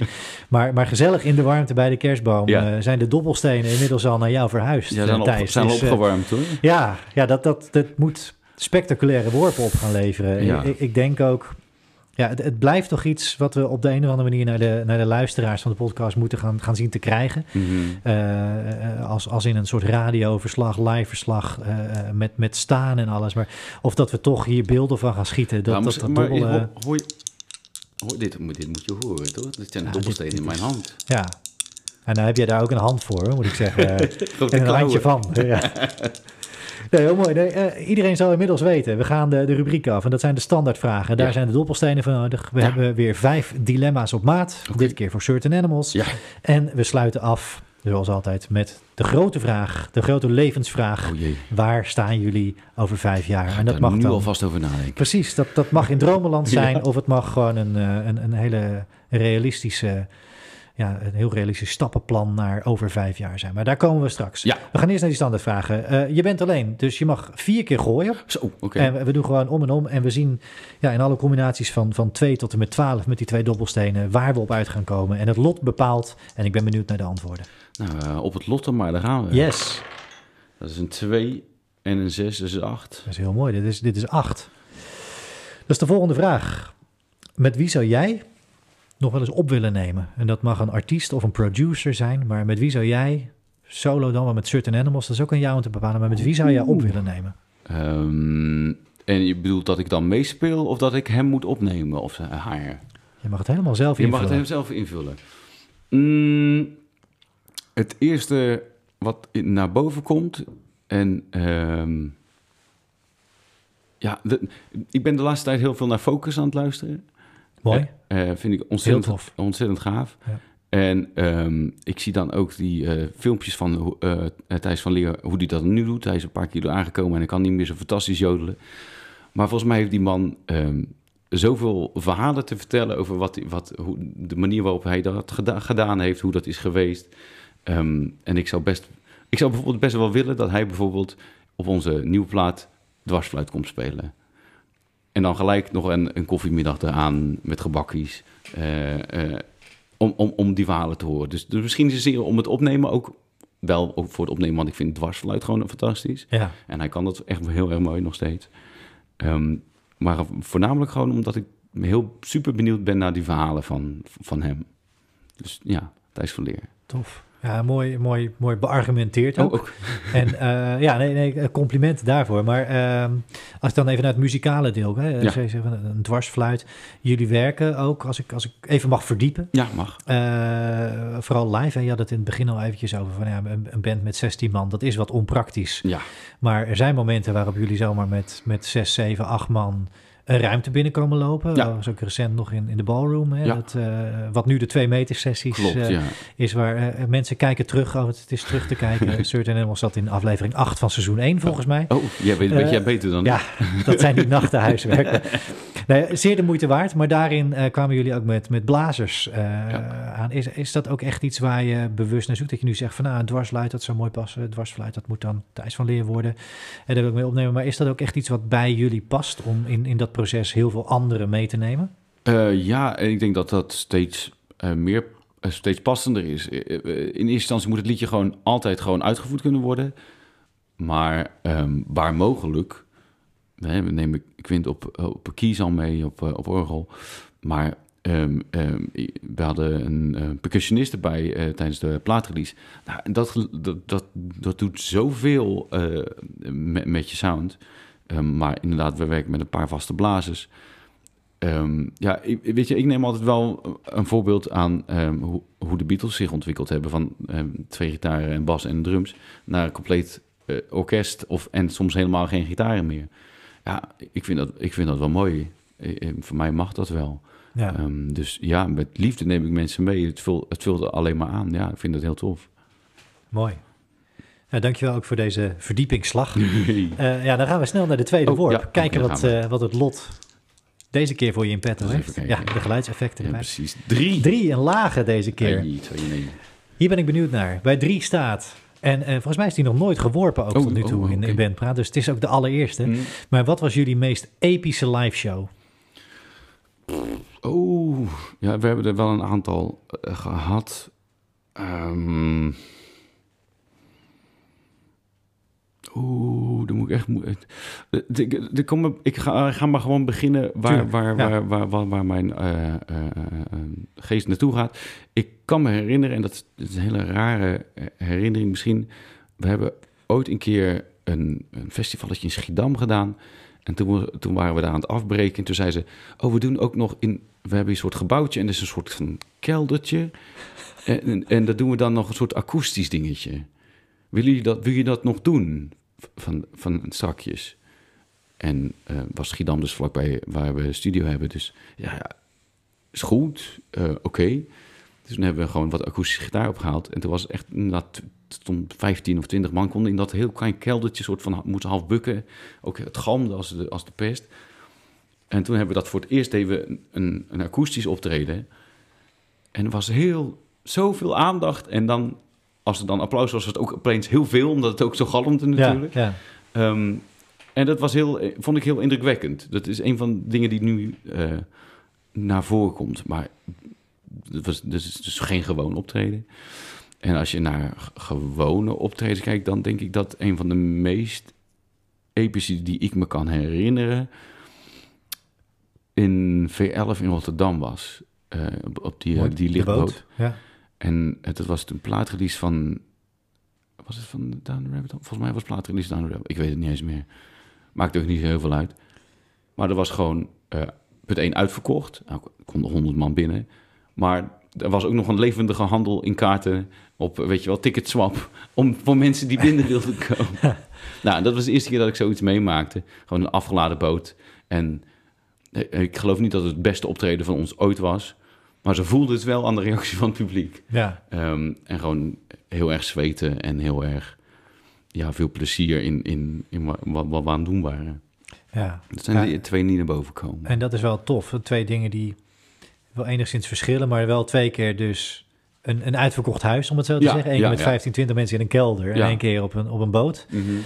En eh, wat daar, en ik hoorde je eerder ook al zeggen van we hebben ook wel eens shows voor vijf man gespeeld, maar die gingen wel helemaal uit hun dak. Ja, je zei nu over die V11 release show. Het was misschien niet onze beste show ooit, maar voor ons, voor ons gevoel wel op dat Ja. moment. Is die, die dynamiek van dat publiek, Ja. is dat nou echt waar Certain Animals lekker op gaat? ja. En, en inderdaad, het hoeft dan niet, hoeft dan niet honderdduizend man te zijn. Maar als je ziet dat mensen aan, echte aandacht heb, hebben... en het mooie is, mensen voelen zich niet bekeken als ze in het publiek staan... Ja, maar je ziet ze wel. En zeker als de lichten aanstaan, zie je de koppen. ja. En ehm, ja, wij maken, vind ik toch wel af en toe een beetje oude mannenmuziek. Hè? Voor zover dat ik eh, daar zelf al niet onder val. Ehm, Maar We kunnen elkaar de hand schudden. Ja, precies. de Oude mannen praten. Ja, precies. Ehm, en dan zie je inderdaad een man, ja, 50 of zo. En dan speel ik een solo. En dan zie je hem luchtgitaar meespelen. en denk ik, yes! Weet je wel, dit is mooi, weet je wel. Jij krijgt een plektrum. Ja, precies. Ja. Dat, is het, eh, weet je wel, dat vond ik echt dat- van die momenten dat je mensen ziet genieten van een moment wat je min of meer georchestreerd hebt. Van, oh ja, dan gaan we daar naartoe en dan gebeurt dat. En dan komt het aan. En dan komt die solo en dan staan ze met die bekken, weet je wel. Dat is kippenvel. Ja, dat vind ik prachtig. Ja. Ja. dat vind ik heel mooi om te zien. Ja, zeker. Nee, tof. En goed om te horen. En, en ook mooi om te horen, want jullie hebben eigenlijk gewoon best ook hele grote shows, grote festivals gespeeld. Mhm. Ehm, dat, je de, dat je er één hele intieme, epische show uitpikt die in een soort van unieke setting met een Ja. uniek karakter krijgt. Ja, Als een soort eerste keer ook. eh, en, en daarnaast dan die release show. Wat op gewoon een unieke locatie natuurlijk. Dat V11 is Sowieso. Daar wil iedereen volgens mij ook gewoon een keer gespeeld ja hebben. sowieso. Maar, maar toch, eh, fijn dat je dat wilde delen. Leuk. Met liefde en plezier. Yes. En dat spat er vanaf. Oké. In alles wat je doet. Ook die derde worp die je nu Oh, gaat doen. die gaat, gaat over tafel heen hoor. Hoppa. dan gaan we. Dit is een Ik zes. had, hij ligt achter de cactus. Ja. En een vier is tien. Tien. Ja, ja daar, daar moet dan misschien een beetje de, eh, ja, de, de, de, de begeleider in jezelf naar voren komen. Oké, of, geval- of de oude man dan misschien. Ja. Het, is, het is besproken inmiddels. Ja. Ehm, maar Bettien, eh, eh, de vraag, heb jij een ultieme tip voor beginnende bands? Ehm, een ultieme tip. Hmm, Neem jezelf niet te serieus. Oké, in welk opzicht? Ehm, nou, in vrijwel alle opzichten. Ehm, neem de muziek heel serieus, maar jezelf niet zo serieus. Ehm, ik zie best wel veel bandjes, en dat is ook eh, image natuurlijk, waar ik van vind van, oh joh, dit is, ja, natuurlijk is dat soort van professioneel dat je nu je Instagram-foto's laat maken door een fotograaf enzovoort. En dat je daar speciaal eh, importkleren uit eh, eh, Ancona laat komen. Ehm, en dat is best wel leuk. Ik snap, ik snap het principe wel. Maar volgens mij heb je nog maar drie shows gespeeld. En staat er één nummer op Spotify. Wat nog geen duizend keer gedraaid is. En dat is prima. Dat is helemaal fijn. Dat is geen probleem. Maar waarom doe je dan alsof je een wereldster bent? Weet je wel? Blijf gewoon wie je bent. Want wie ben je dan op zaterdagochtend als je wel staat te vakken vullen of eh, eh, wat je dan ook doet in die dag? Weet je wel, het is. ehm tuurlijk zet je een persona op en tuurlijk is het, is het ook showbusiness. Maar blijf wel een beetje bij jezelf en neem jezelf een beetje op de hak af en toe. Want ja, het is, het is maar muziek, weet je wel. Ja, ah, het, is, het is een goede tip. En, eh, en ik, ik, ik, ik sluit me daar ook heel graag bij aan. Dat je net van aan, aan heel veel randzaken goede aandacht moet besteden als Mhm. band. Tuurlijk. Zeker. Ehm, ja, maar kijk in die zin misschien ook een beetje uit met het image wat je neerzet. Of je dat waar kan blijven maken. Is Ja. dat ook een beetje wat je, wat je wil, wil aangeven? Of, dat, Ja, nou ja, het past bij wat je, wat je daadwerkelijk neerzet? Ja, Eh, precies. En ehm rocksterren bestaan eigenlijk volgens mij niet meer.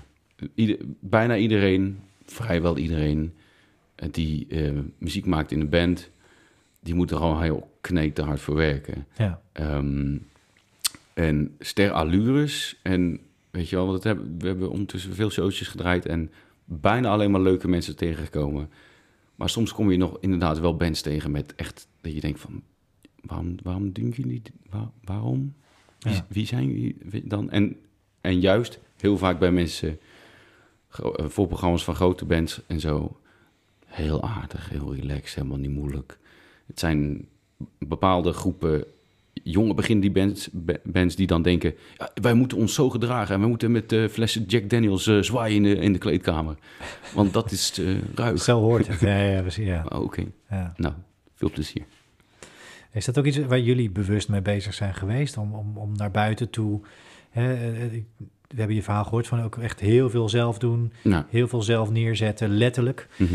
Ehm, maar op den duur, het is, we hebben het eerder benoemd, we zijn er niet zo heel ver op doorgegaan. Maar eh, eh, jullie artwork ziet er allemaal netjes uit.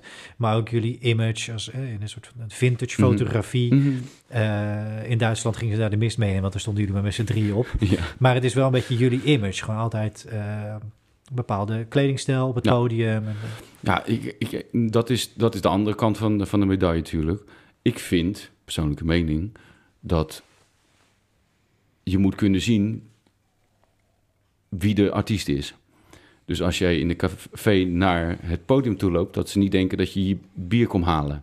Weet je, ik vind dat belangrijk. En dat hoeft niet, weet je wel, dat je Ja. met powerveren om in je kraag rondloopt. maar je, dat heb ik denk ik gewoon ook overgehouden uit dat hele eh, Beatle Tribute eh, tijdperk. Want dan hadden we zes verkledingen i- in een theatershow, weet je wel. Dan liepen we van, van, van, van die eh Shays eh, Stadium pakjes tot eh eh, Sgt. Pepper pakken. Dus, en dan zien de mensen zien dan echt wel wie dan de band is. En je- je- net als dat je voor kerst iets leuks aantrekt, doe je dat voor een optreden ook. Ja, En Ja. ehm, voor ons is dan, dan de herkenbaarheid dat dat dan vaak dezelfde kleren zijn. Dan is, oh, dan is het hetzelfde elke keer en dat helpt met de herkenbaarheid. ja.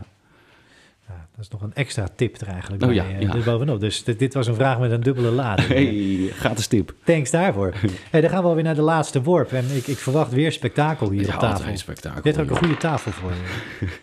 Hadden we drie? weer drie. Die hebben we, ja, ah, nou, valt tegen met spektakel. Acht, Acht hadden- is ook al voorbij gekomen. Ja, nu ga nu gewoon gaan we in de dubbele worp. We gaan alles nog een keer herhalen. Negen. Negen. Ja, dat is een goed. Ja, daar, zijn we eigenlijk al een beetje geweest. Oh. Maar ik, ik, ik wil dat toch nog wel eventjes wat verder uitdiepen. Eh, de vraag is namelijk, hebben jullie tracks afgeschreven? Dus echt tracks die je niet meer speelt? Ja.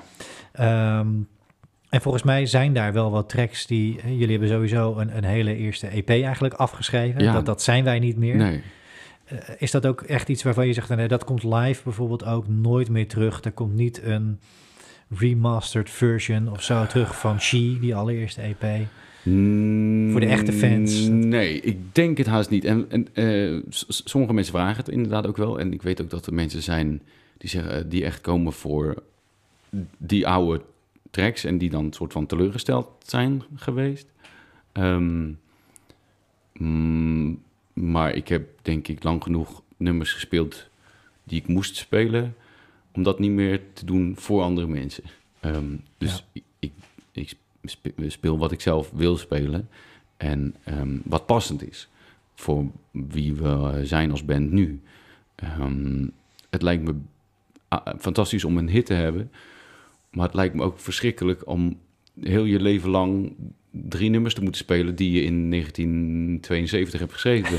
Ja. En die helemaal niet meer weerspiegelen wie, waar je nu mee bezig bent. Maar mensen willen dat niet meer horen waar je nu mee bezig bent. Die willen Ja. die drie hits horen. Dus dat lijkt me best wel lastig. Ehm, ja, ja, maar elk voordeel heeft zijn nadeel natuurlijk. Absoluut. Ja. Ehm, dus, nee ja, wat, als, als we iets afschrijven, dan doen we dat met reden. En dan komt dat ook niet zo eh, snel weer terug. Dan is het gewoon echt weg. Ja, Oké, nee, nee, duidelijk. En eh, een duidelijke keuze ook die je gewoon als band gemaakt hebt in dit Mm. geval. Van fases achter je laten, blik vooruit en daar past in de huidige tijd iets bij. En dat, nou ja, het jullie hebben nu wel wat hits achter je naam staan. Dus, dus ik, ik denk dat we over eh, nou ja, een paar jaar dan misschien gaan zien wat, wat, wat jullie met die hits doen. Want eh, dit- ja, er is toch sprake geweest van wat succes.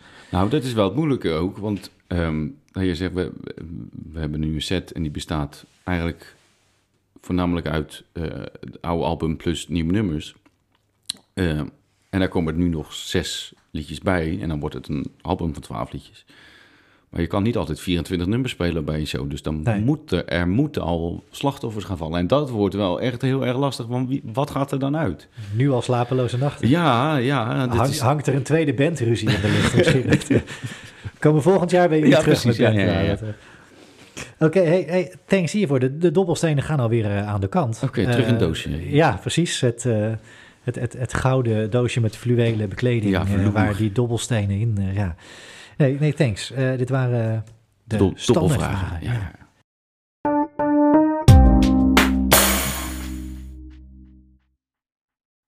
We gaan naar de di- dilemma's. Oké, vertel. Naar een intense jingle die we daarvoor hebben. Mhm. Ehm, ik heb vijf stuks. Eh, vijf stuks op maat gemaakt. En we gaan zien of het eh, breinbrekers voor je zijn. Of dat je er zo overheen stapt en, eh, en er door, doorheen wandelt, bij wijze van Mhm, spreken. mhm. Ehm, vijf dilemma's. Ja. Nummer één. Ja, Clubtour of festivalzomer? Rug tegen de muur? clubtour. Clubtour. Want? Want langer de tijd voor alles. Clubtour is zo fijn dat je gewoon 's middags aankomt, rustig kan soundchecken, je monitors goed kan inregelen en ehm, ja, er helemaal klaar voor bent. Je krijgt- ook gewoon eten en zo. Super fijn. Ja. En, en een kleedkamer, ook echt heel fijn. Ehm, en je kan in principe zo lang spelen als je zelf wil. Dus als je twee uur wil spelen, is het wel lang, maar dat kan wel. En Ja. dan kan je dus van alles en nog wat laten horen. Je hebt veel meer mogelijkheden als je inderdaad gastmuzikanten of weet ik veel wat daarbij wil hebben. Kan, kan dat allemaal. Je kan mensen uitnodigen als voorprogramma. Je kan gewoon veel meer. Ehm, en dat vind ik in principe fijner. Alleen, ja, die goede tweede is dan natuurlijk wel met festivalzomer... waar je in opeens voor een vol veld mensen die opeens iets voor de kiezer krijgen... en dat is dan inderdaad de minimale voorbereiding en ehm, vijf minuten soundchecken. Ja, Maar ook bijzonder. Maar als ik moest kiezen, ja, eh, de clubtour. clubtour. Oké, thanks. Ja, het is, eh, de, de volgende hebben we het eigenlijk al, eh, al een beetje We hebben al heel veel besproken. Ja, nee, het is ongelooflijk. Ik moet ter plekke weer dilemma's aanpassen. Nee, wij zullen hem je toch nog een keer voorgooien. Ja, want je hebt eerder gezegd in, de, en, in deze aflevering... en Mhm. mensen gaan terugluisteren. Ik kan er niet eh, een minuut zoveel, een seconde zoveel... Te, maar ehm, je hebt aangegeven eigenlijk geen keuze te kunnen maken. Maar als, als je met je rug tegen de muur staat... zou je dan kiezen studio of live? Ik weet dat je het als twee compleet verschillende Mhm. processen ziet... maar als je moet kiezen, wat doe je liever? Live dan. Ja? Ja. En waarom gaat de balans toch die kant op? Ehm, omdat, één, omdat het veel vaker kan. Ja, Ehm, in principe neem je een liedje maar één keer op. En is dat een soort van voorlopige versie die je dan maar vastlegt. En als je geluk hebt en het gaat goed, dan evalueert zo'n nummer nog. Als je hem live gaat spelen. Dan denk Ja. je opeens, oh, maar we kunnen hem gewoon, dat hele intro moet echt gewoon twee keer zo lang. Want mensen, wat die, je moet het opbouwen. Of ah, we moeten het echt super zacht gaan doen, dat, die bridge. Dat is, dan komt het veel meer aan. Eh, dus dan ben je alsnog aan het evalueren in een nummer. ehm, in plaats van dat moment, die momentopname van de, van de studio. ja. Ja. Wat natuurlijk ook letterlijk in het woord verscholen is, opname. Ja, ja, Het, het is wat het is. En, en daarna gaat, het, gaat een, een track eigenlijk gewoon, een liedje gaat verder. ja vaak dat wel. is dan wat je live doet. En, en in dit geval geeft dat voor jou nu dan de doorslag. Ja, ja, Oké. ja. Ah, Moeilijke interessante keuze, moeilijk, Ja, het is, het, is, het is een dilemma. ja, ja. niet voor niks een dilemma. Toch, ja. hey, laten we naar de derde gaan. Ja. Eh, geen verrassing, we hebben het ook al een beetje over gehad. Ja. Maar eh, ook weer, weer, als je moet kiezen, landelijk gevestigd zijn of internationaal doorbreken. Ehm, internationaal. Ja? Ehm, Ja, ja, ehm, want waarom niet? ja als het kan. Kijk, eh, dus je hebt, je hebt inderdaad wel bands die inderdaad opeens in Japan of in Scandinavië helemaal, helemaal doorgebroken zijn. Eh, en die daar dan heel veel kunnen spelen of heel veel aandacht krijgen. Ja, ik, ik ga, wat ik al gezegd heb, ik rij wel. Ik ga Ja. wel. Ik stap wel op het vliegtuig. Of, eh, en ja, het is, het is minder praktisch. Maar ehm, ja, als het kan in Frankrijk of in Spanje of in Japan, ja, dan doe ik het wel. Ja. Ja, zeker. Eh, Je, je gaf ook aan, jullie werken met een boeker in Nederland. Ja. Maar is dat ook iets waar je, eh maar dat toertje in Duitsland heb je dan eigenlijk gewoon zelf geregeld? In de eerste instantie hebben we toen zelf geregeld. Ja. En eh, de tweede keer hebben we wel hoop gehad van de boeken die dan eh, een beetje Oké. regelden enzovoort. Ja, klopt. Maar dat is ook wel een wens die jullie daar bijvoorbeeld hebben neergelegd van nou, als het kan, vaker internationaal. Ja, zeker. Het is, dat is wel iets wat we, wat we door willen zetten en inderdaad wel willen uitbreiden. Ehm, omdat het gewoon, het is punt één, het is een avontuur. Je gaat, het, is, het is leuk om naar Zwolle te gaan en het is leuk om naar Franeker te gaan. Ja, Maar hoe nice is het als je met z'n allen op, echt op pad gaat, op avontuur gaat in die bandbus. En nou ja, alle hardships die je tegenkomt of alle, en alle bijzondere dingen worden nog versterkt door het slaapgebrek en of nieuwigheid die je, die, Ja. die je daar hebt. Ja, ik vind het allemaal avonturen. Ehm, dus eh, ja, kom maar op. tof. Ja, Nou, laten we het hopen. Het is Ja. in ieder geval ook van harte gegund om, eh, om die bus in te gaan en eh, oneindig te gaan rijden de wereld over. En volgens mij leent wat jullie doen zich daar ook heel goed voor. Dus eh, let's go. Ja, zeker. hey, dan zijn we bij nummer vier. Mhm. En eh, ja, dit bedoel ik niet denigrerend, eh, maar afwerkplek of Abbey Road? Afwerkplek. Ja, ja. toch? Home sweet home? Ja, altijd. Li- lijkt me fantastisch. Nou, ik zou best een Abbey Road willen opnemen. Maar dan dat ik ook gewoon van geen... geen tijdsdruk en geen stress en geen, nou moet het opeens. Nou, ik, nee, ik, ga, ik, ik zeg het verkeerd. Ik zou best wel in Abbey Road willen kijken hoe een Ja. andere band iets op aan het opnemen is. Ja. En dan vervolgens terug naar huis gaan en met eh, de petroleumkachel en eh, het gangetje waar ik dan altijd zit met de gitaaropnames, heel de avond kou zitten te leien. Ja, want dat, dat is thuis en dat is waar, wat, wat ik gewend ben en waar dan ook de druk van je afvalt en dan ook tien keer beter gaat. ja. Dat, dat is waar het om gaat, niet waar het is opgenomen. Nee. Nou, dat is wel het effect ook wat het in ieder geval op jou en Voor mij wel, jullie ja. allemaal zo hebben. Ja. Van hey, als wij ergens anders staan, dan voel je een bepaalde druk. En ik denk dat, dat veel bands die wel eens in de studio staan, dat herkennen van oh ja, goed, hier, hier betalen we voor en we hebben één dag, het moet vandaag gebeuren. En als je dan opeens een idee hebt van, volgens mij moeten we het anders doen. En dat betekent dat we de drums opnieuw moeten doen. Ja, Ja, dat kan, dat, dat kan, niet- dat kan dus niet meer. Je maakt minder creatieve keuzes als je meer tijdsdruk hebt. Je maakt nog minder creatieve keuzes als je te veel tijd hebt. Dat is ook niet goed. Maar ehm, een, een- een ruime mate van tijd ja, is, is voor mij noodzakelijk om Maar- dat te doen. dat leer je op den duur ook wel. Wat, wanneer iets klaar is. Ja, ja, ja zeker. En wanneer ja. een liedje echt Certain Animals waardig is. Ja. Dit is het. Ja, dat, op, een- op een bepaald punt denk je van...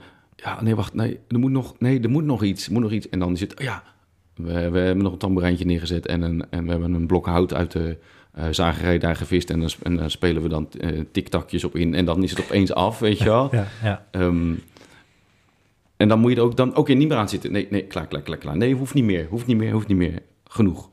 Dat is, Ja. dat is wel een bepaald punt, ja. want dat risico is natuurlijk wel dat als je het allemaal zelf doet, dat je, dat je het nooit weglegt. Nee, ja zeker. Maar daarom, weet je, we, we hebben wel eh, veel tijd, maar niet oneindig tijd. We gaan eh, dadelijk de studio in, dan gaan we vier of zes liedjes opnemen. En dat is dan in twee of drie weekenden, weet ik veel, van drie, vier dagen. Dan moeten we, ja, het moet nu wel die drie liedjes in dat weekend, moeten we af hebben. Ja, Dus dat betekent dat je inderdaad gewoon wel door moet. Kijk, en lukt het op een of andere manier toch niet, dan kan je altijd nog wel wat. Maar ehm, dat is niet waar we vanuit gaan. nee. Ehm, je moet jezelf wel een bepaalde druk opleggen om te presteren. Alleen maar de hoeveelheid druk, dat is, dat is de moeilijke balans die je, die je moet vinden. Ja, Ja. Wegblijven van de slapeloze in ieder ja, geval. ja. ja, ja, ja. Oké, nou thanks. Eh, ja, dan komen we bij de laatste. hè. Volgens mij ga je er tot nu toe glorieus doorheen Oh, oké, door, de, door de dilemma's. je hebt de laatste in ieder geval gehaald. Laten we kijken of je nu ook overeind blijft. Eh, ik, ik kijk naar je kerstboom. Daar zitten gewoon moderne lampjes in en zo. Maar veel van wat jullie doen eh, ademt vintage. Ja. Ja, maar dat komt omdat de brandgevaar... Als je, als, je- er staat daar nog... Dat is een ander ander verhaal. Er staat daar nog een... nu een, de, persoonlijke twist. Ja, precies. Er staat een, een, eh, een, een, soort kaart van Philips Ja. met die lampjes erop. Dat is de doos waar de kerstlampjes van mijn opa en oma in hebben gezeten. Oh, wauw. Ehm, maar ik vond het zo mooi en zo vintage inderdaad dat Ja. ik hem bewaard heb. Ja, die, die lampjes zijn al lang vergaan, want dat was ontzettend brandgevaarlijk van die dingetjes waar je erin moest draaien en dat ging dan helemaal verkeerd. Ehm, dus ik hou wel van vintage, maar wel met een beetje modern eh, gemak Ja. inderdaad. ja en, en, en precies die spagaat wil ik even opzoeken. Ja. Want als je nou moet kiezen, en dan heb ik het even puur gericht op certain animals, Ja. vintage of modern. Op welk gebied? Alles? Laten we zeggen, eh, in eerste instantie sound. Sound en dan mag je daarna doortrekken naar Ja. alles wat jullie uitstralen. Nee, ja, ik denk sound vintage, ja. Sound vintage. Ja. Alleen de manier waarop we dat doen is wel een combinatie. Want ja, dus, er draait een, een tape deck mee, Ja. maar het gaat wel een computer in. Ehm, en als je... Kijk, dat, ik vind het heel knap als sommige bands dat helemaal kunnen, zeg maar. Helemaal vintage. Dus dat betekent ook dat je dus inderdaad... In 1964 waren er nog geen eh, eh, effectpedaaltjes en geen stemapparaten. Eh, weet je wel, dan, was Ja. het allemaal... Weet je, ik vind het mooi als je die opnames van Jimi Hendrix... dat ze eerst drie kwartier aan het stemmen zijn... voordat ze de optreden kunnen Ja, beginnen. ja. Weet je wel. Ehm, dus de, sommige bands doen dat en dat is, vind ik ook bewonderenswaardig. Ehm, maar zover hoeft het voor mij niet te gaan. Ehm, het, is ook, het is ook nu opgenomen. Dus weet je wel, voor mij hoeft het niet mono. Nee, nee. Weet je wel. Maar goed, ja, eh, een, een mooie samenhang tussen een bepaald gemak van moderniteit. ehm, Maar niet te veel gemaakt. Het moet niet te makkelijk worden, inderdaad. Ik bedoel, je kan inderdaad nu ook een versterker kopen die in, in je broekzak eh, past. En er zitten Ja. dan 200 eh, modellen eh, dingen in. Wegromantiek. Ja, wegromantiek. En inderdaad, dat kan, dat kan gebeuren dat er dan soms rook uit je versterker komt als die te lang in de zon staat op een festival. Dat, ja, dat, dat zijn dingen die gebeuren. Maar het moet wel een beetje spannend blijven. Ja.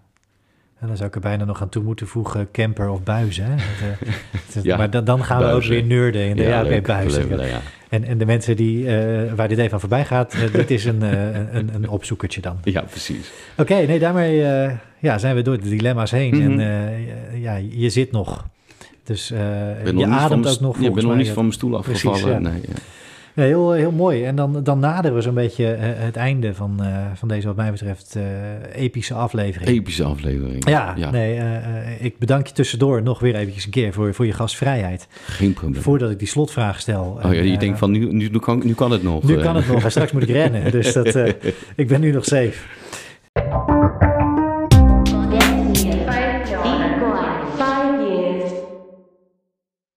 Nee, als ik, eh, als ik jou vraag, en Ja. ik heb al gezegd, dat mag in, in droombalans zijn. Het mag een, een realistisch eh, stappenplan zijn per jaar, bij wijze van spreken. Ja. Maar waar staat Certain Animals over vijf jaar? Ehm, maakt me eigenlijk niet zoveel uit. Ehm, als ik maar muziek kan blijven maken met die jongens. En je eigen pad kan bewandelen daarin. ehm, dan maakt dat mij eigenlijk niet zoveel uit of dat nou wel of niet op de radio komt. Of in het buitenland gespeeld wordt. Het zijn allemaal dingen die mooi meegenomen zijn. Allemaal leuk en fantastisch. Maar het gaat er mij om dat je die creativiteit kwijt kan en, die, en het kameraadschap blijft voelen. En wat ik al eerder zei, samen av- avonturen aan kan gaan.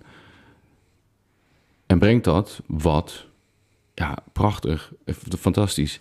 En brengt dat niet zoveel, of hetzelfde als nu, ja, ook echt heel mooi. Ehm, dus ehm, ik ben sowieso niet zo heel erg goed in plannen. Dus ik kijk niet te ver vooruit. Ehm, maar geniet van dat moment. En dat moment mag voor mij nog 5 à 10 à 25 jaar duren. Dat is allemaal prima. Ja. Dus ik zie, ik, maak maar geen, eh, geen pest uit als ik maar door kan gaan met muziek maken. Ja. Vind ik mooi gezegd. En, en, en eh, richting het slot eh, denk ik ineens aan wederom die, die, die uitzending waar jullie recent in zaten. Het Mhm. interview met Jan Douwe Kroeske, waar je eigenlijk vertelde dat, hè, op nou, eigenlijk een persoonlijke Mhm. twist in dat gesprek, Mhm. dat voor jou muziek in nou, de tijd waarin we nu zitten, de Mhm. pandemie en, en de lockdowns, Ja. maar dat muziek misschien ook wel gewoon een soort reddingsboei voor jou geweest is om het op nog een beetje fatsoenlijk door te komen. ja, dat is. Dat past eigenlijk wel heel erg bij de woorden die je net ook uitsprak. Van als dit maar door. Het, het maakt me eigenlijk niet uit waar het schip heen vaart. Nee. Als het maar door kan gaan. Ja, doorvaren is belangrijker. Hè, wat is dan die, die platgetreden paden en tegeltjeswijsheden? Eh, eh, eh, het gaat niet om de, de bestemming, maar om de reis, toch? Ja, Ja, nou ja, daar ben ik het wel mee eens. ja. ja die clichés die zijn niet voor niets clichés geworden. Dat blijkt alweer. Ja.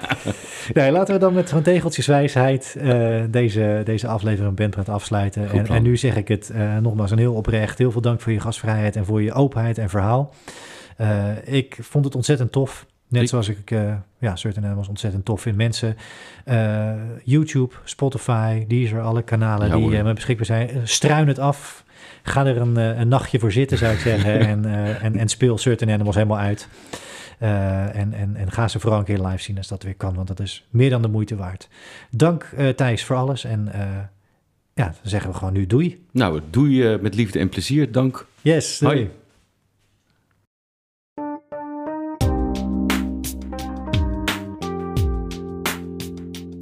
Was hem weer. Heel erg bedankt voor het luisteren naar Bandpraat. Je mag de komende tijd iedere week op maandag een nieuwe aflevering verwachten. En dus iedere week een nieuwe toffe artiest of band. Abonneer je op Bandpraat in jouw favoriete podcast-app en mis niets over al die toffe bands en artiesten die Nederland rijk is. Heel veel dank aan al die artiesten en bands die meedoen. Heel veel dank aan jou voor het luisteren. Spread the word en tot later.